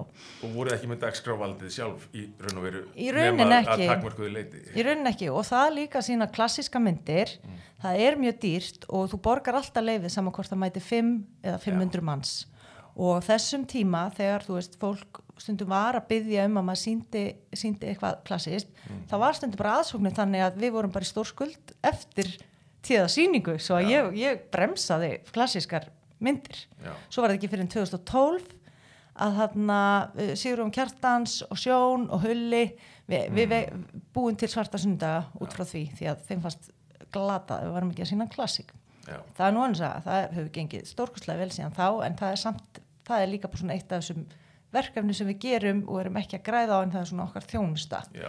við bara okkar samfélag Já. en uh, allan hennar tíma erum við í þessu niðurnýtta húsnæði og það er ekki forgangsatri því að við erum uh, afskaflega bara þólum með það að því að við erum að borga svo lága leigu Já. að það, veist, það gerir okkur kleift að lifa af, sann okkur sem menningar uh, hús og allt þetta mál með veist, uh, húsgögn og innréttingar, þú veist, það, það er aukaðri Já. sýningabúnaðurinn er aðaladrið fáum við sýningabúnað 2013, við sækjum með mediastyrk og tökum Ok. lán fyrir restinni svo við erum, veist, við erum ennþá að borga þessu Þeir láni eru að skuldsetja ykkur þá allverulega 2013 fyrir endur nýjun á, á, á þessari hlið bíórekstusins af því að húsnæði er ennþá eins og það var en þeir eru búin að uh, taka salina í gegn, sýningraðstöðina. Já, við getum farið að sína glænýjar myndir og það sem betra er, við getum farið að kaupa inn okkar Já. eigið efni. Og, fáið stafrænum pakkana bara.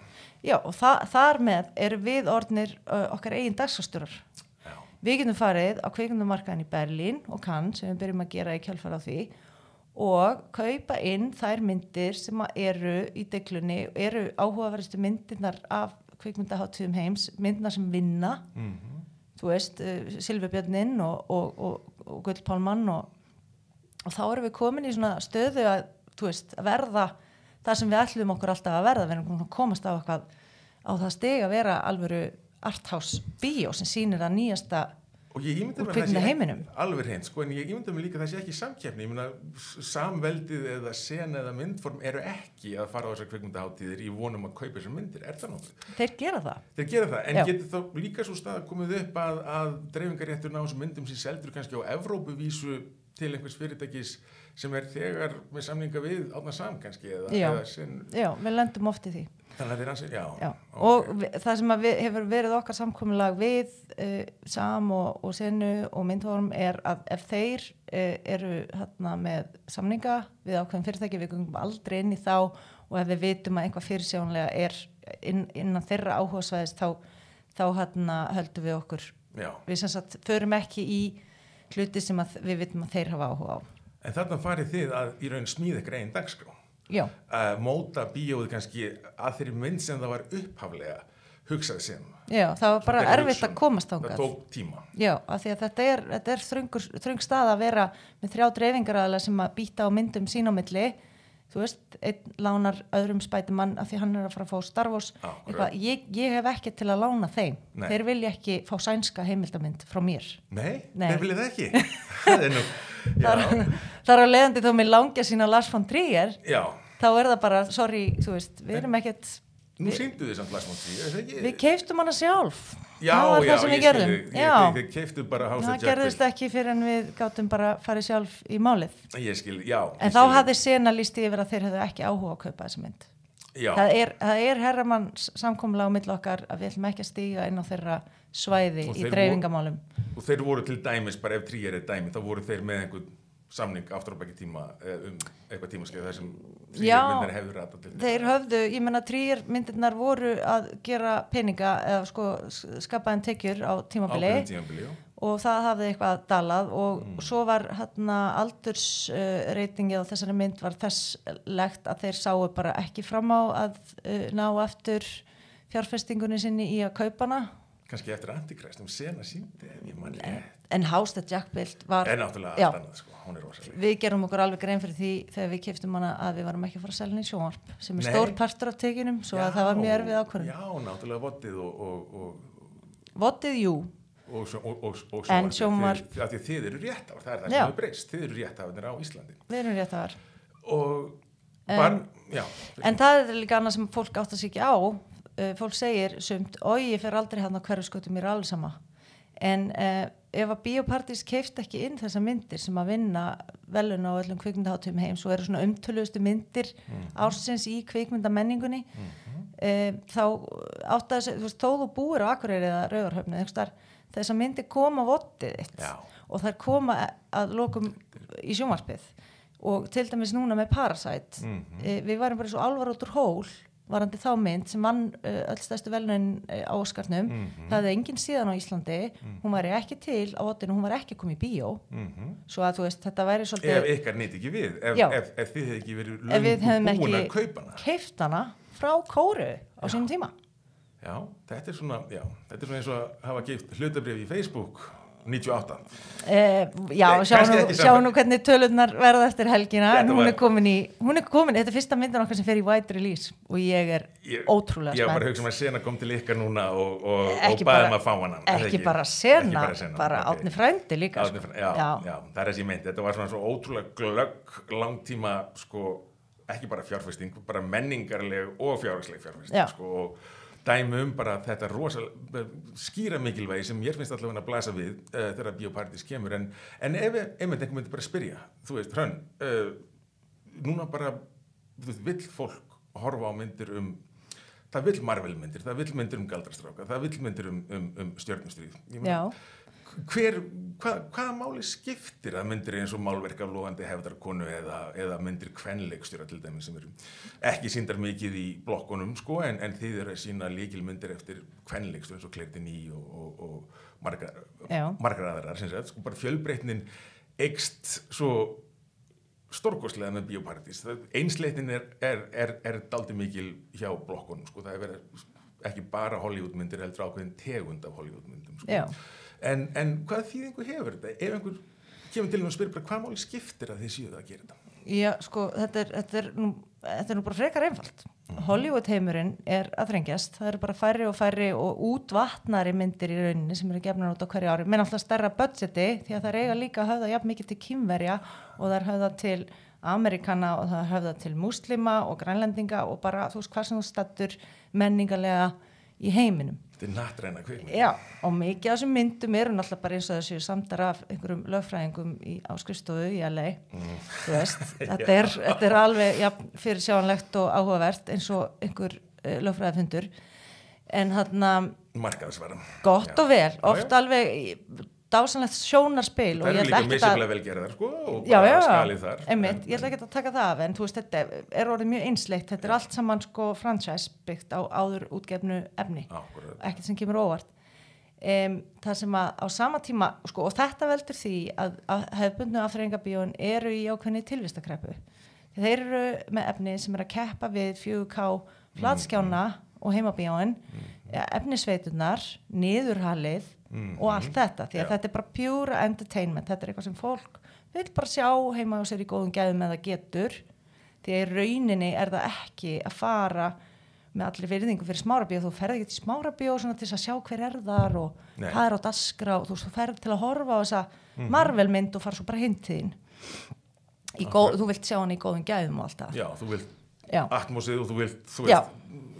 Stóra, stóra, stóra tjaldið, sko, og, og lazy boy stóluna. Já, og, Egilshöllin bara, stórkoslegt bíó en á sama tíma og það er krísa í þessum málum og bíóaðsóknin það má nú ekki tala mikið um það hún dróst saman á síðast ári við ræðum það nú ekki mikið. Nei, ok. en ekki hjá okkur. Setjum til hliðar í bíli. ekki hjá Ekki hjá bíópartís ykkur, ekki hjá ykkur, þið voru í vexti, það er nefnilega máli á sama tíma þetta gerist þá hérna, er, er aðsóknin hjá okkur alltaf að aukast. Já, Og hvað er það? Það er bara það að það sem að Bíópartís gerir er ekki í samkefni við efnisveitur, 4K, flatskjái og, og svo frammeins. Að sjálfsögðu eins og öllunum menningastar sem eru við í samkefni við aðra affrengu, það er ekkert annað. Já, já. En þú veist, það sem ég meina er að fólk kemur í Bíópartís, það er einstakt andurslóft, þú ferð á sér mynd sem er að væntanlega ekki til á Pirate Bay. Nei, ég meina, eða fyrir hann deildi.net, bara íslensku sko torrendasíðina, Já. hún er uppfull af dótinu sem Sena og Sambjörnur. það er það sem að fólk er að hala að niður, já. þú finnur til og með ekki Parasite, ég sé fólk hvart yfir þessu á Facebook, hvar finn ég hana ég finn hana ekki með texta þú veist, hún er á kóreisku einhver sett inn link á Bíópartís og við komandi svaraði, þessi linkur virkar ekki. Það var Já, alveg já, ekki ok. en ok, en það sem fólk gerir það kemur saman, það hittist það fær sér drikk, þetta er kannski bara byrjun á kvöldinu eða þú veist, þú er búin að fara út að borða. Við erum líka hérna í ringiðu mannlífsins, þetta er oft í tengslum við eitthvað annað sem þú ætlar að gera, þú ætlar að kíkja í plötubúð, þú ætlar að kíkja á sýningu þú ætlar að gera þetta, eða bara, fólk kemur líka til okkar bara til að sjá hverjir eru, þú veist, hvað er að gerast? Já, býtu að vera að sína þessa mynd, já, ég bara skelli mér. Og svo eru líka sko þessi samfélög sem koma í bíópartís, oft leiðaðu sal og hérna horfa á mynd sem að fjallar um þú veist, allt frá bjórgerð til BDSM, við fáum BDSM samfélagi Já, til okkar, við fáum, við fáum veganistana, Þungar við fáum já. þungar okkar, mótorhjóla það er mótorhjóla bíó sko sérstakar sýningar bara um mótorhjólamyndir. Já, og, hérna, og það, allt er þetta félagsleg upplifun, pólverarnir koma Já. alveg í kipum og sumir keir allar leið þú veist frá Grindavík að, og þá eru þeir að koma snemma þeir eru að hittast, þeir eru að fá sér drikk þeir eru að spilla saman þetta er og maður sé líka bara fólk með bækur, bara fólk með bók með sér, þessi er sniður, það er les, fær sér bjór, það er grammafótarnar sem er að spila einhverja flotta tónlist og síðan fer það kannski tegum tímum setna að sjá myndina sem það kom til þess að sjá, sko, en, en þarna, einmitt, þetta sé maður ekki í neinu öðru kvikmyndahúsi í Reykjavík. Já, þannig að þú veist, við erum í só að því að við erum ekki í nefnni tilvistakreppu með sko flatskjáuna og efnisveitunar því að þú veist, ef þú vilt vera heima hjá þér einn að horfa á eitthvað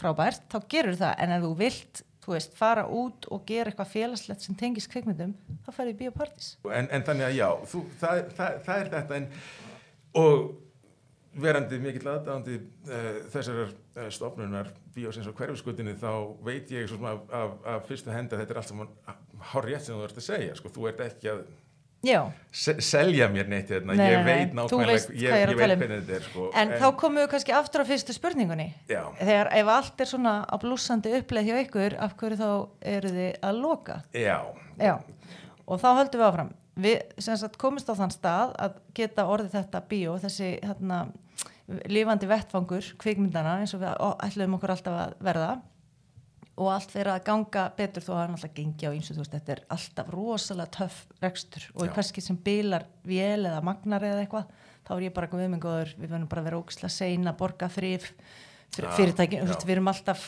að feta mjög frungan er sko, fjárhagslega, já, já. En þetta hefur gengið upp og meðal hans af því að við erum með lágalegu en við erum líka í rosalega erfiðu húsnæði og það er erfitt að vera með loftræstikerfi sem bilar oft mörgum sinnum í mánuði og þurfa annarkvort að aflýsa sýningum eða þegar kannski komið í bíóparti sem fengi flýsteppi.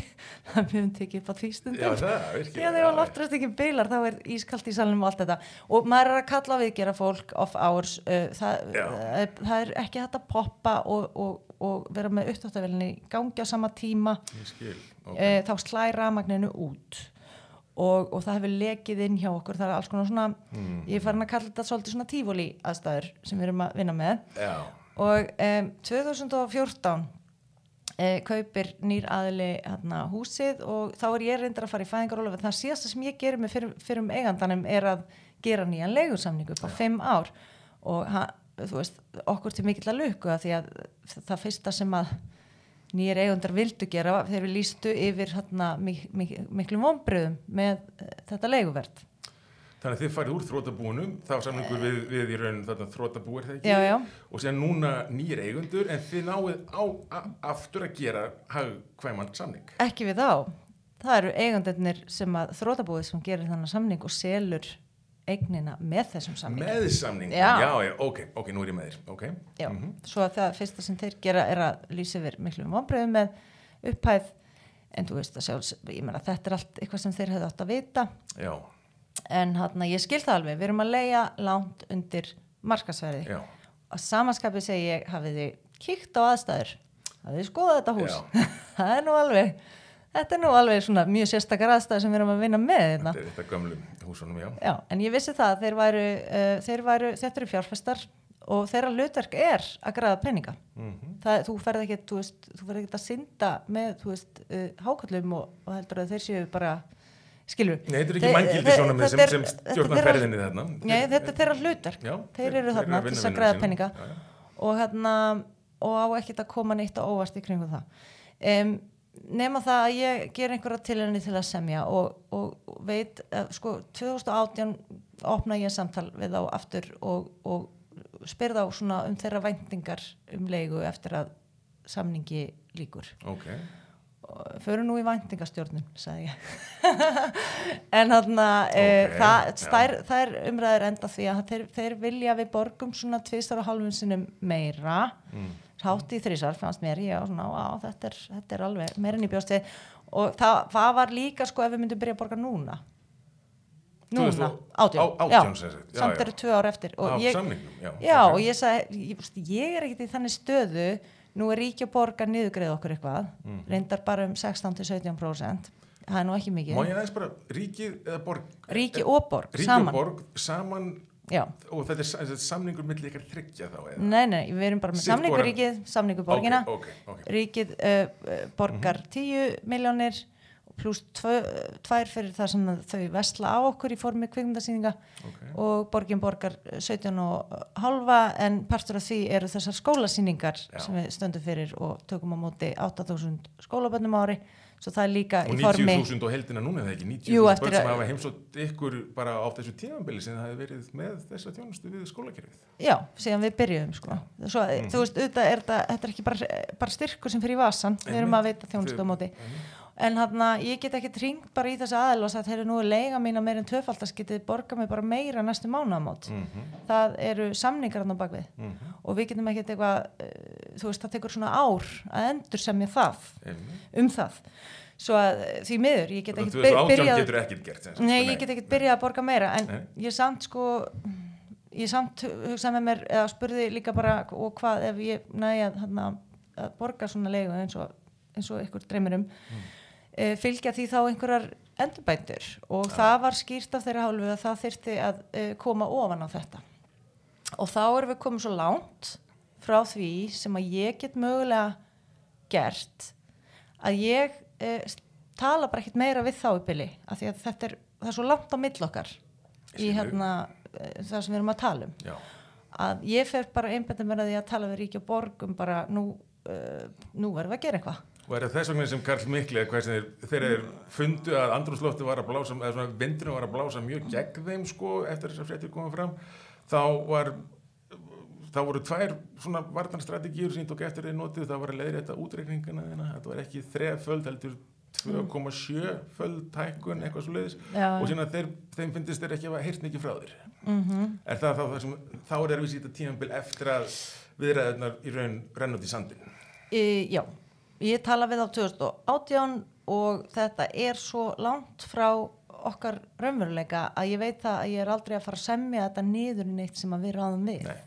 nei. fyrir utan það að húsnæðið er komið á það stig að maður bara verður mér finnst til dæmis óafsakanlegt að vera að reka þetta bíó árið 2020 Já. og það er ekki ennþá fallað aðgengi fyrir hjólastóla inn í 2 og 3 Já. og það er bara þannig að ef að, e, það eru margir í húsinu þá hætta klósettin að styrta niður það er ekki hægt að styrta niður Það er- ásamt bara þú veist öllum þessum miljón vandræðin sem fylgjaði að vera í niðurnýtu húsnæði brínausin á, á mikilli sem sagt uh, við, bara Já. viðgerðum og endur nýjum og þá erum við að tala um eitthvað sem að við sem sjálfsagnastofnun með ekkert eigið fjö reynda gengur mjög vel hjá okkur Já.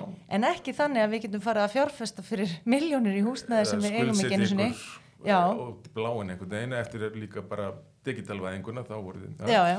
ég skilði, ok, Eh, uh, þetta er mjög flókið við erum hvað, ekki, hvað veist- gerir maður þá í svona stöður maður þarf að tala við alla uh, sko, og það, munurinn á því að tala við fólk núna og í upphafi bíósins þegar við vorum í vandræðin til dæmis með að kaupa búnað er að ég þarf aldrei að útskýra lengur hvað bíópartís er Nei. eða til hvers það er Nei, það er þessi stóri munur meira að segja uh, andstæðingar bíósins þá eru mjög margir uh, svona íhalds fólk í borginni og aðrir sem Mm. fannst þetta vera svo mikið rugl og kalla þetta gæluverkefni. Ég fæ aldrei að heyra það lengur. Það er afskaplega gleðilegt að heyra. Já. Það er að- búið að staðsetja sig bara svo kyrfilega í menningunni að, að, að það er þetta er orðin- þetta orðin slík stærð að það er ekkert hægt að vera að þetta niður Já. já, ok. Ég, ég hef ekki ennþá lent í neinum sem hefur talað þetta niður og þó, þóst ekki skilja hvað, það væri er sem að við gerum. Já. svo að því leiti er ég bjart sín en samt erum við komin á þennan stað. Ég er búin að vera að tala við Ríkjaborg uh, síðan 2018 um þessa stöðu og ekkert á borðinu og þá endar það náttúrulega bara þannig að ég, ég er sko persónulega ábyrg fyrir fjármálum bíósins. Svo að ég ætla mér ekki að fara að loka í skuld. Já, og ef ég ætla ekki að loka í skuld þá verð ég að segja allum upp í januar og gefa þeim þeirra og ég verð að loka í mæ af því að sko í mæ og júni byrjum við að tapa skil við töpum pening allt sömarið og svo vinnum við það upp á haustin Já, þegar einmitt, mikið að gera einmitt. en þú veist hver einasti mánuð sem við erum opið á sömrin það eru nokkra miljónir í tap á mánuði en það er alltaf læs og jöfnu það út Já. en ef ég hefur opið í mæ og júni þá erum við bara að fara að tapa peningum og ég get frekar uh, losað okkur við kostnað og lokað á núli og þannig erum við komin til Já, það- samtímans dagsins í dag. Þá erum við sem við stöndum frammi fyrir núna. Já, eigendum, var- eigendum og- bíósins til varnar þá hafa þeir haft samband um mig Já. og þeir vilja leista ég held að þeir ekki þeir og allan okkur hafi búist þessum viðbröðum nei, það er held það, ég stóra þau hafa mál verið alveg stórkostleg sko. Já, og ég held að það, fólk er alltaf að spyrja mig hvað get ég gert þess að stiða bíópartís og ég segi, heyrðu, hafðu hátt um það að þú viljir hafa bíópartís láttu alla vita og þar á meðal þitt stjórnmála fólk þá sem þú kýst alla að þetta skiptir máli. senda tölupústa Já, því að það er, þú veist, nú þarf, nú þarf að sína hugrekki Mhm. og bara standa með bíópartís. já, það er uh, uh, ertu bjart sín hrönn eða ertu að fara bara að mæla gödurnar atvinnulegs í sumar? Ertu bjart sín á að þetta tækist Ég, þú veist, ég er yfirleitt mjög bjart sín á mótnana þegar ég er nývögnu ok, og svart sín á kvöldin. þannig ég er ekki náður að góðum tíma er svona, við erum svona vel síðdegis núna þannig er mjög er- jákvæð þegar ég vakna og svo líður á daginn og svo ligg ég upp í rúmi og hugsa, ó, hvað, þú veist, það er komin 13. februar þetta er, er vonlust en þú veist, auðvitað, er- viðræður eru ennþá í gangi allir uh, hafa Er, líst er, yfir er opið talsamband við Dag og Lilju eða hverji sem þetta eru sem, sem eru þarna að koma að þessu? Meni, er, er, er, er opið talsamband? já, það er búið að lofa með fundi með Lilju. Ok, vonandi í næstu viku. Nei sko bara því að ég verði að segja ég, ég, þetta er alltaf flókið en bara þetta er því menningarlega katastrófa finnst mér í uppsiklingu að, að þarna sko þetta er bara spurning um hvernig samfélagi við- viljum búi og hvernig borgarsamfélagi við viljum búi og ég að leigan sé að þreifaldast það er kannski stóra atriði sem setti allt úr einhvern veginn uh, úr, úr, úr liðnum núna sagt, sko, húsnæðið að það sé þurfi endur nýjuna við er fyrirlikjandi sko. uh, þú sko að styrkirnir legan þreifaldast styrkirnir þreifaldast málið er leist í bíli uh, allstaðar í heiminum í öllum borgum, Stokkólmi, New York, hver sem er. Fraklandi, Þískalandi, Belgíu Östur, allstaðar Suður Ameríku líka, bara út um allt. Þá eru borgir með metnað í garð menningarstofnana og vita að það er ekki ókipis svo hugmynd að það sé ekki að reka bíóparadís nema sko leigusamningarnir sé einhvern veginn langt undir markaðsverðin er náttúrulega bara ekki sustainable, það er ekki hægt að halda því gangandi að þið, að, að bíóparadís sé að borga markaðsleigu þarf bara að vera hlut af reikni líkaninu sem er til staðar þegar ríki og borg er að styrkja ykkur. Já, já, ég meina að ef, ef, ef Jón Áskerðið Björgúlur hefði keift þjóðlíkúsið í, í útrásinni í, í, í aðdragandar hundsins sem svo bara og síðan mörgum ánum setna rennur út leigusamningur og Jón Áskerð vil fá þrefaldar leigu frá uh, og það það myndi einhvern veginn huga að eina viðbræði við því væri að loka þjóðlíkúsinu nei, og þetta er ekki en gríðaleg fjárhæð. Nei. miljónur á mánuði eða hvað sem það var, fimm miljónur á mánuði sem leigan er. Þetta er þetta er bara það sem kostar að reka svona já. Þetta er lámarskostar ég, ég er samt að ekki að segja, hún verður ekki, hún verður ekki þrýr, uh, þrjár miljónir uh, en það sem að við erum líka sko, um, það sem við erum að horfast í augu við er að sko að gera langtíma áætlun varðandi bíópartís að við séum ekki alltaf á bláþræði eins og, uh, eins og veist, ekki rekin eins og í rauninni alvöru menningarhús heldur eru við, veist við erum sífelt að bjarga Já. Alveg ruggluðum aðstæðum þú veist, eins og sem okkar dó. í sko, þetta, er er- meina, þetta er ekki hörpunni sko, þetta er ekki aðstæðan í listarfnir Nei, nei, nei, það er allir minnst bara svona eins og að þú veist að ég þarf eh, að hlaupa niður eftir með pottaleppa því að popvilin sem er- við erum nótabennu með í láni frá myndform er hérna biluð og við þurfum að krakkarnir eru að brenna sig á henni því hún er allu já, það eru svona, eru svona hlutir og líka bara með húsnaði sjálft og þú veist, uh, tækin og annað við höfum ekki efni á að sko, viðhalda þeim eða, eða endur nýja það er eitt að, að fara að borga mér í leigu og það er sjálf og sér alveg doable en það er annað bara hvað með uh, Afgang- ástand afganginn, húsnæðisins hvað með bara að, að gera líka bara samninga sem að eru sko ekki bara til þryggja ára heldur eru bara langir varanlegi samningar því að þú veist auðvitað ætlum við okkur að vera áfram til eftir 10, 15, 20 ár og halda áfram að bara það sem ég var ekki áslá líka bara er að þú veist, upphæðinar er ekki það er svo sorglegt að já, mikilvæg starfsemi og þetta eh, sé hugsanlega að hverfa af sjónasviðinu út af upphæðum sem ekki eru meiri. Jafnvel þó við tökum allt það sem hún nefndir inn ég meina laugavegu 5 var keftur á 100 og eitthvað miljónir af degi til þess að viðhalda borgarmyndinni eða götumyndinni. Braggin í öskulíðinni kostaði 200-300 miljónir ég er bursti fyrir því hversu raunhafar þessar tölur eru hvort þessi sangjarnar eða ekki þá bara kostar ákveðina peninga að, að viðhalda stofnun. Muna hartmann kostaði marga marga miljardar Já. að þið fáið svigrum með af því að það er hvergi hægt að reyka svona ekki bara, það er, það er ekki bara erfitt í Reykjavík, það er erfitt allstaðar í miklu stærri löndum en, en, en Íslandi það þurfa alltaf styrkir að koma inn að þið fáið sem sagt þá uh, stuðning það er það sem þið eru að vonast eftir þá bara, ef ég er skilaði rétt bara Já. að sé tækjavæli til að líka bara endur hugsa já. aðeins samskiptin við, við Ríki og Borg Já, það sem ég er að reyna að segja er að sko, við erum í þessari stöðu núna og við viljum að sjálfsögðu leysana sama hvað kostar en við erum líka orðin langþreytt á því og við erum ekki að leita svona plástrum að einhver hendi bara annari miljón í og segir bara já nú þurfum við bara að duglir að selja með það og þetta bilaða klósett við kíkjum einhver tíman á það setna, skilur það eru allir orðnir langþreyttir á því að vera í þessu uh, rosalega bastli varandi aðstöðu og að geta ekki, þú veist, bara bóðið eh, fólki í hjólastólum velkomið eins og, og bara get ekki, þú veist, eh, rekið húsnæði sem er bara bóðlegt.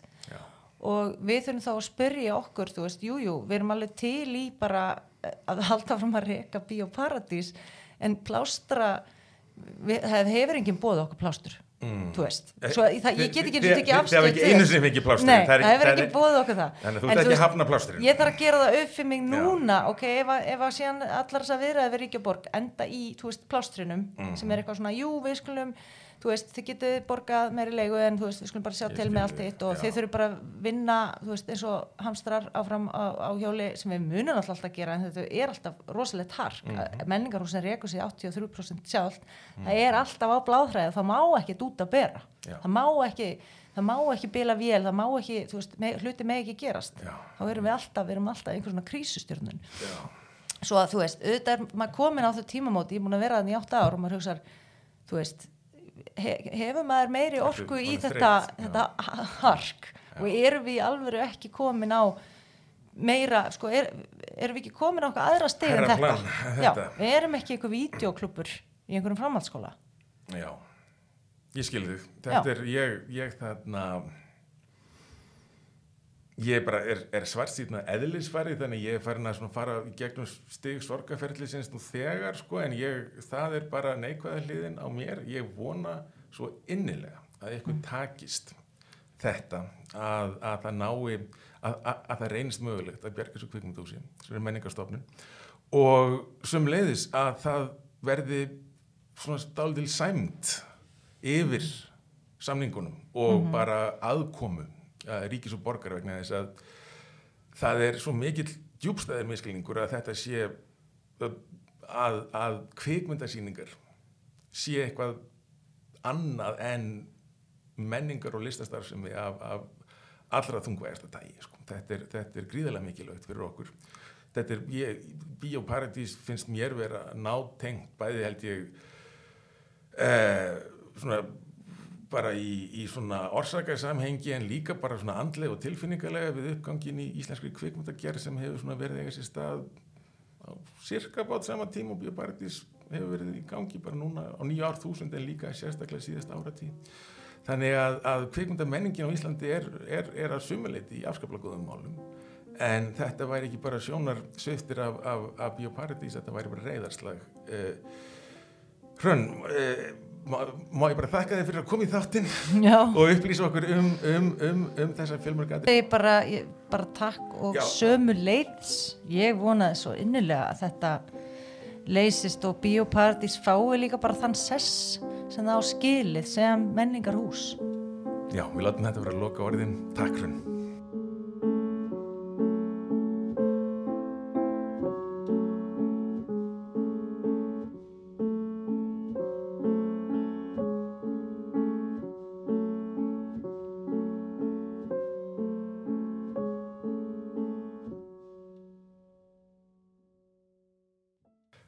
Odni Sen er rithöfundur þýðandi kvikmyndafræðingur og verkefnastjóri kvikmyndafræðislu í Bíóparadís og hefur haldið utan um fræðislu starf bíósins í hartnær tíu ár eða næstum allan starfstíma þess. Það sem hér leikur undir er auðvitað ekki aðeins þjónustu hlutverk Bíóparadísar við skóla og mentastofnanir enda þótt það sé í raun byltingakent og, af, og afskaplega mikilvægt. Heldur líka hitt að í fyrsta skipti hefur stofnanlegt umhverfi verið til staðar um, um þróun kvikmyndakenslu og myndlæsis hjá ungu fólki og með tilkomu samskiptamiðla og stafræðnar tækni hefur myndmiðlun af ímsutægi tekið stakkaskiptum. Ungt fólk er ekki aðeins neytendur heldur einnig framleiðendur myndefnis og myndefnis sjálft hefur umbreyst í samskiptaform. Af þessum sökum hefur mikilvægi myndlestus, kvikmyndaríni og ímyndatúlkunar aukist og framlega bioparadísar í þessu sambandi er í senn gott veganest út í snjallvætta veröld fyrir ungt fólk og skinsamlega leið til að hlúað framtíð íslenskrar kvikmyndagerðar. Sælotni, takk hjá fyrir að koma í þáttinn. Takk fyrir að bjóða mér. Eh, ef við byrjum bara á byrjunni, eh, hvað er kvikmyndafræðsla? Með öðrum orðum, hvað felst í þessu verkefni sem þú hefur stýrt hjá Bíópartís í harnar áratug? Það er, það er fólkið í ímsum. Það er fyrst og fremst að um, bjóða öllum skólum á höfuborgarsvæðinu og það eru líka nokkru skólar utan höfuborgarsvæðisin sem hafa nýtt sér þá fræðslu líka en að bjóða þeim upp á að sjá kvikmyndir frá ýmsum þjóðlöndum þar sem að menningar um, umhverfi er öðruvísi og um, sem að þau hafa ekki aðgang að annar staðar. Já, og um, það er í sjálfu sér sko mjög, það var mjög krefjandi verkefni að kynna börnum slíkar myndir. Heimildamindir um, frá slóðum þar sem að fátakt er mikil um, alls konar uh, samfélagsleg vandamál má ég spyrja bara á hvað aldrei eru, eru, eru börnin sem hér um ræði til dæmis bara? frá 7 ára til uh, 15 ára þetta er allir grunnskóla og sagt, aldurinn og efnið sem að ég vel á hverju, hverju önn er í tengslum við aðalnámskrá grunnskólana. Þannig að börnin geti nýtt sér þær myndir sem ég býð upp á og það geti nýtt sér það í lífsleikni, í kveikmyndasmiðju, sko, í sagfræði, Gætur nefnum dæmum hvaða myndir það eru sem, sem, sem svona eru þver faglegar í þessum skilningi? Já, um, til dæmis um, bioklassik um, ég hérna byrjaði með Chaplin og ég hef alltaf verið með myndir eftir Chaplin ég er með Ja. borgarljósin núna. Ég var með sirkusin í fyrra. Ég byrjaði á hérna The Kid eða krakkanum. Það er fyrsta myndin, Það er ekki sem fyrsta bara fyrsta myndin. myndin sem ég upphafi setti þetta allt saman á stað. Já, og þá hafði ég verið með, um, hafði ég unni hjá kveikmyndastafni Íslands um nokkuð skeið við að setja upp þögglar myndir við undirleik hljómsveit, mm. Symfóníu hljómsveitar Íslands. Það man eftir þessum sýningum með mynd. Ég byrjaði með Chaplin, um, hérna, eða, ég, við, byrjuðum, eh, við byrjuðum með að sína Metropolis á uh, 100 ára ammali kveikmyndana 1995 Mm. við undirleik tvekja píanóa. Mm. Uh, síðan síndum við síning Dr. Kaligaris og þar á eftir kom ég inn með Chaplin fyrst við um, piano og fiðlu og síðan við hljómsveit Sinfoníu hljómsveit Ísland og þetta var alveg Það reglulegu er þessum grunni sem þú byggir sem, sem kvikmyndafræðsluna í Bíóparadís. síðan hugsaði með mér að það sko það vanti kvikmyndalæsi og að börn skoði myndir með gaggrínum huga. Já, Þannig að þá fer ég að þróa verkefnið með Bíóparadís. Já, og þá einmitt um, sem sagt við bjóðum upp á þær myndir sem að bíóð er með til síningar, bæði, bæði ga- gamalt og nýtt efni. Mm. og það sem að skipta svo miklu máli að það er líka félagslegu bakgrunnur og úrræðir sem að börn geta nýtt sér sem að koma í bíóð að ég er alltaf með tema á hverju ári uh, einelti uh, fík ok. um, kvíði, kvíðaröskun hún tengir þetta við í raun, sko, málsmur knýjandi einhvern veginn í lífi ungs fólks í dag. Akkurat og ég var uh, í hitti fyrir að þá var ég með mynd sem að vakti mikla aðtekli sem að hétt Mamman Mamman stúlkan og demonarnir, sænsk mynd sem að bíóða var með og ég hérna var með geðhjálp sem að, og fulltrúar hennar komu og svöruðu spurningu nefnda á eftir og ég hef aldrei vita jafn rosalega knýjandi mikla þörf fyrir að tala um kvíða. Já, Og, en þarna var svona verið að fjalla um hvernig það er að alast upp með einstaklingi sem annarkort er vanhæfur vegna geðraskana eða áfengisneislu.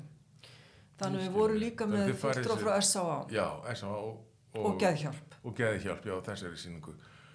Og þannig þið, þetta verða svona ákveðin samlegðar áhrif þarna. Við erum í Bíóparadís, við erum með kvikmyndafræðslun og síðan kannski ástæðið ekki til UN Women myndu kannski koma og vera með einhverju Ég hef verið með svo leiðis Já, líka. já, þetta náttúrulega. En, en bara því ég er forvitin bara um svona grunnatriðin. Já, Uh, eru það tilteknir skólar þá sem taka þá ákvörðun að upp á þetta sem, sem, sem Bíóparadís býður upp á, að upp á það verði bóðið í sínum skóla?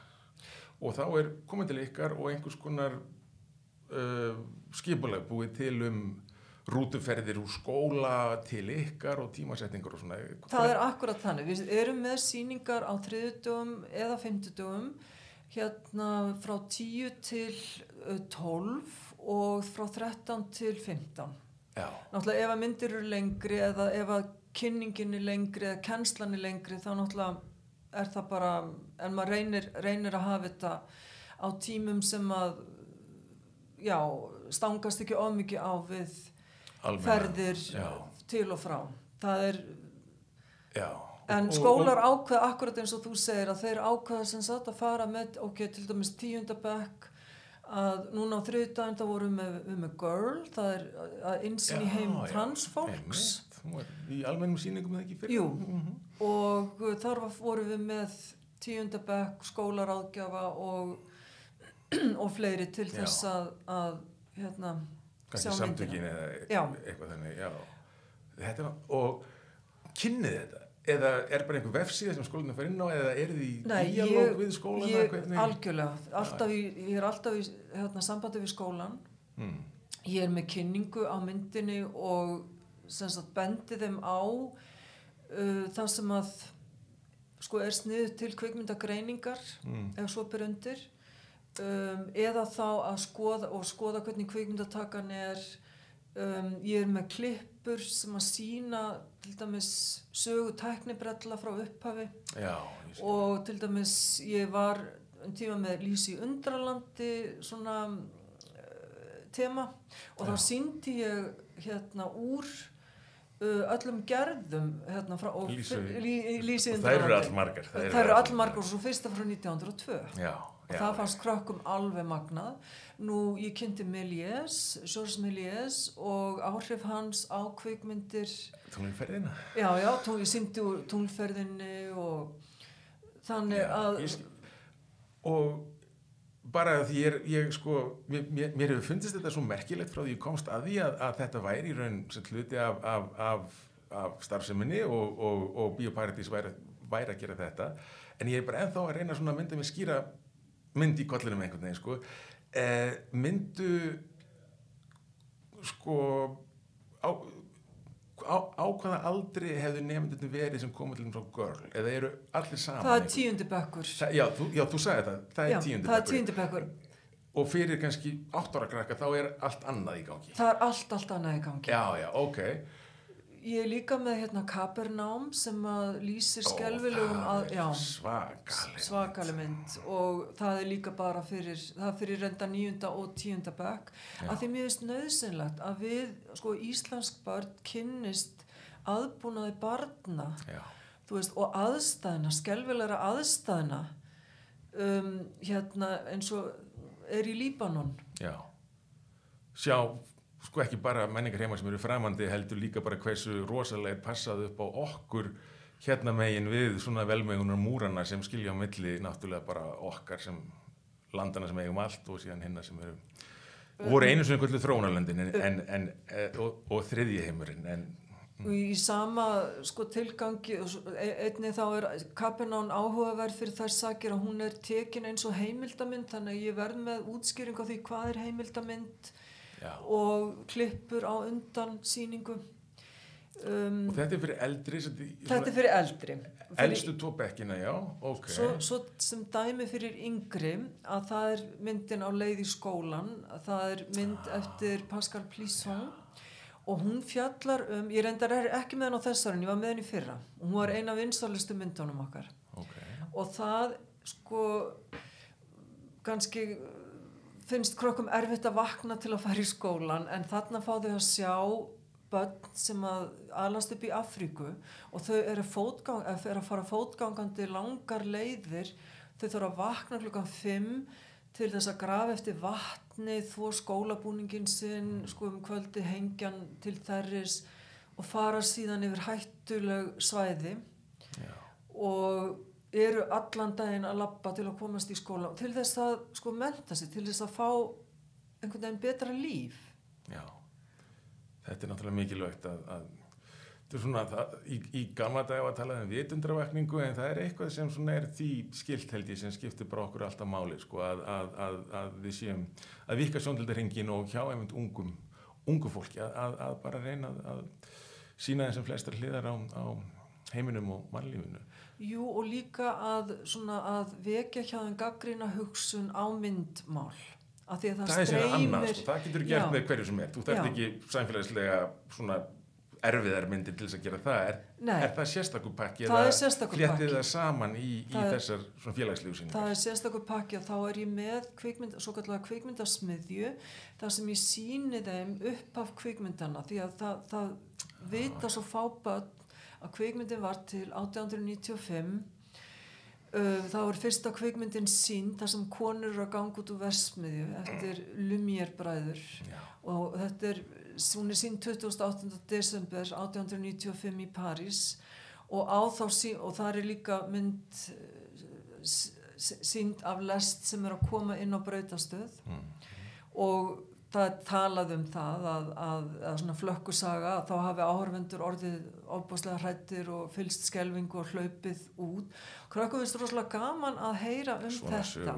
Að, játbyrðalestin væri að fara út úr tjaldinu Út á, á, á á, áhorfendur og einst líka fyrsta byssuskotið þarna Great Train Robbery 1902 að, að þá er skotið beint framann í áhorfendur. Og þetta er svo hugmynd sem að Hitchcock nýtt, nýtti set, setna til þess að sína morð í kvikmyndahúsi og, og sagt fremjaði fullkóna morð og þá var verið að skjóta byssum og, haður, sagt, og glæpamaðurinn skýtur einhvern sem sagt, líka og nota tækifæra að því og síðan fer ég í gegnum alla kveikmyndasöguna en ég tengja hana alltaf við nútíman eins og þegar ég tala um þýsku expressionistana þá sýni ég alltaf hvernig Tim Burton hefur sko notað þýska expressionisman Já, í já, já, myndum. sem er mikið þannig líka. Þeir, þeir ég kenninga líka í. Já. Þannig að við greinlega erum það er gaman einmitt, já, það er einmitt þessar tengingar sem maður vill svo gjarnan draga fram og þær eru bókstæðlega hverki skýrari í kveikmyndasögunum, bara hvernig kveikmyndasagan er samtal sko, Akkurat. en það eru svo skýrar þarna einmitt. En sko, hversu margir skólar eru í samstarfi við ykkur og hversu margir, hversu mörgum nefendum eru þau til dæmis að taka á mót á hverju ári? Sko, við erum bara, held ég núna, ég taldi það saman, við erum þjónusta 90.000 börn. 90.000 börn 90.000 á þessum tæpa áratví. Já, og það er svo, sko, það er þvílík ásókn í sýningarnar að það komast miklu færri að en vilja. Já, ok. Það er, því að það er náttúrulega ekki nógu gott en það er samt gleðilegt. Þarna- Já, en- sko, og það er í raun og veru fyrstur kemur, fyrstur fær og skráningar eru bara, ég er, sko, ég, að taka þegar að ég sendi, sendi út bækling uh, gegnum fræðslumálasvið að þá er bara komið inn sko pantanir, þá, þá er ég bara að sinna pöntunum allan daginn og fram á kvöld og næsta, næstu daga. Ég þá er bara óumflýjanleg staðrind líka að næsta kynsluð íslenskra kvikmyndagerðamanna er þessi.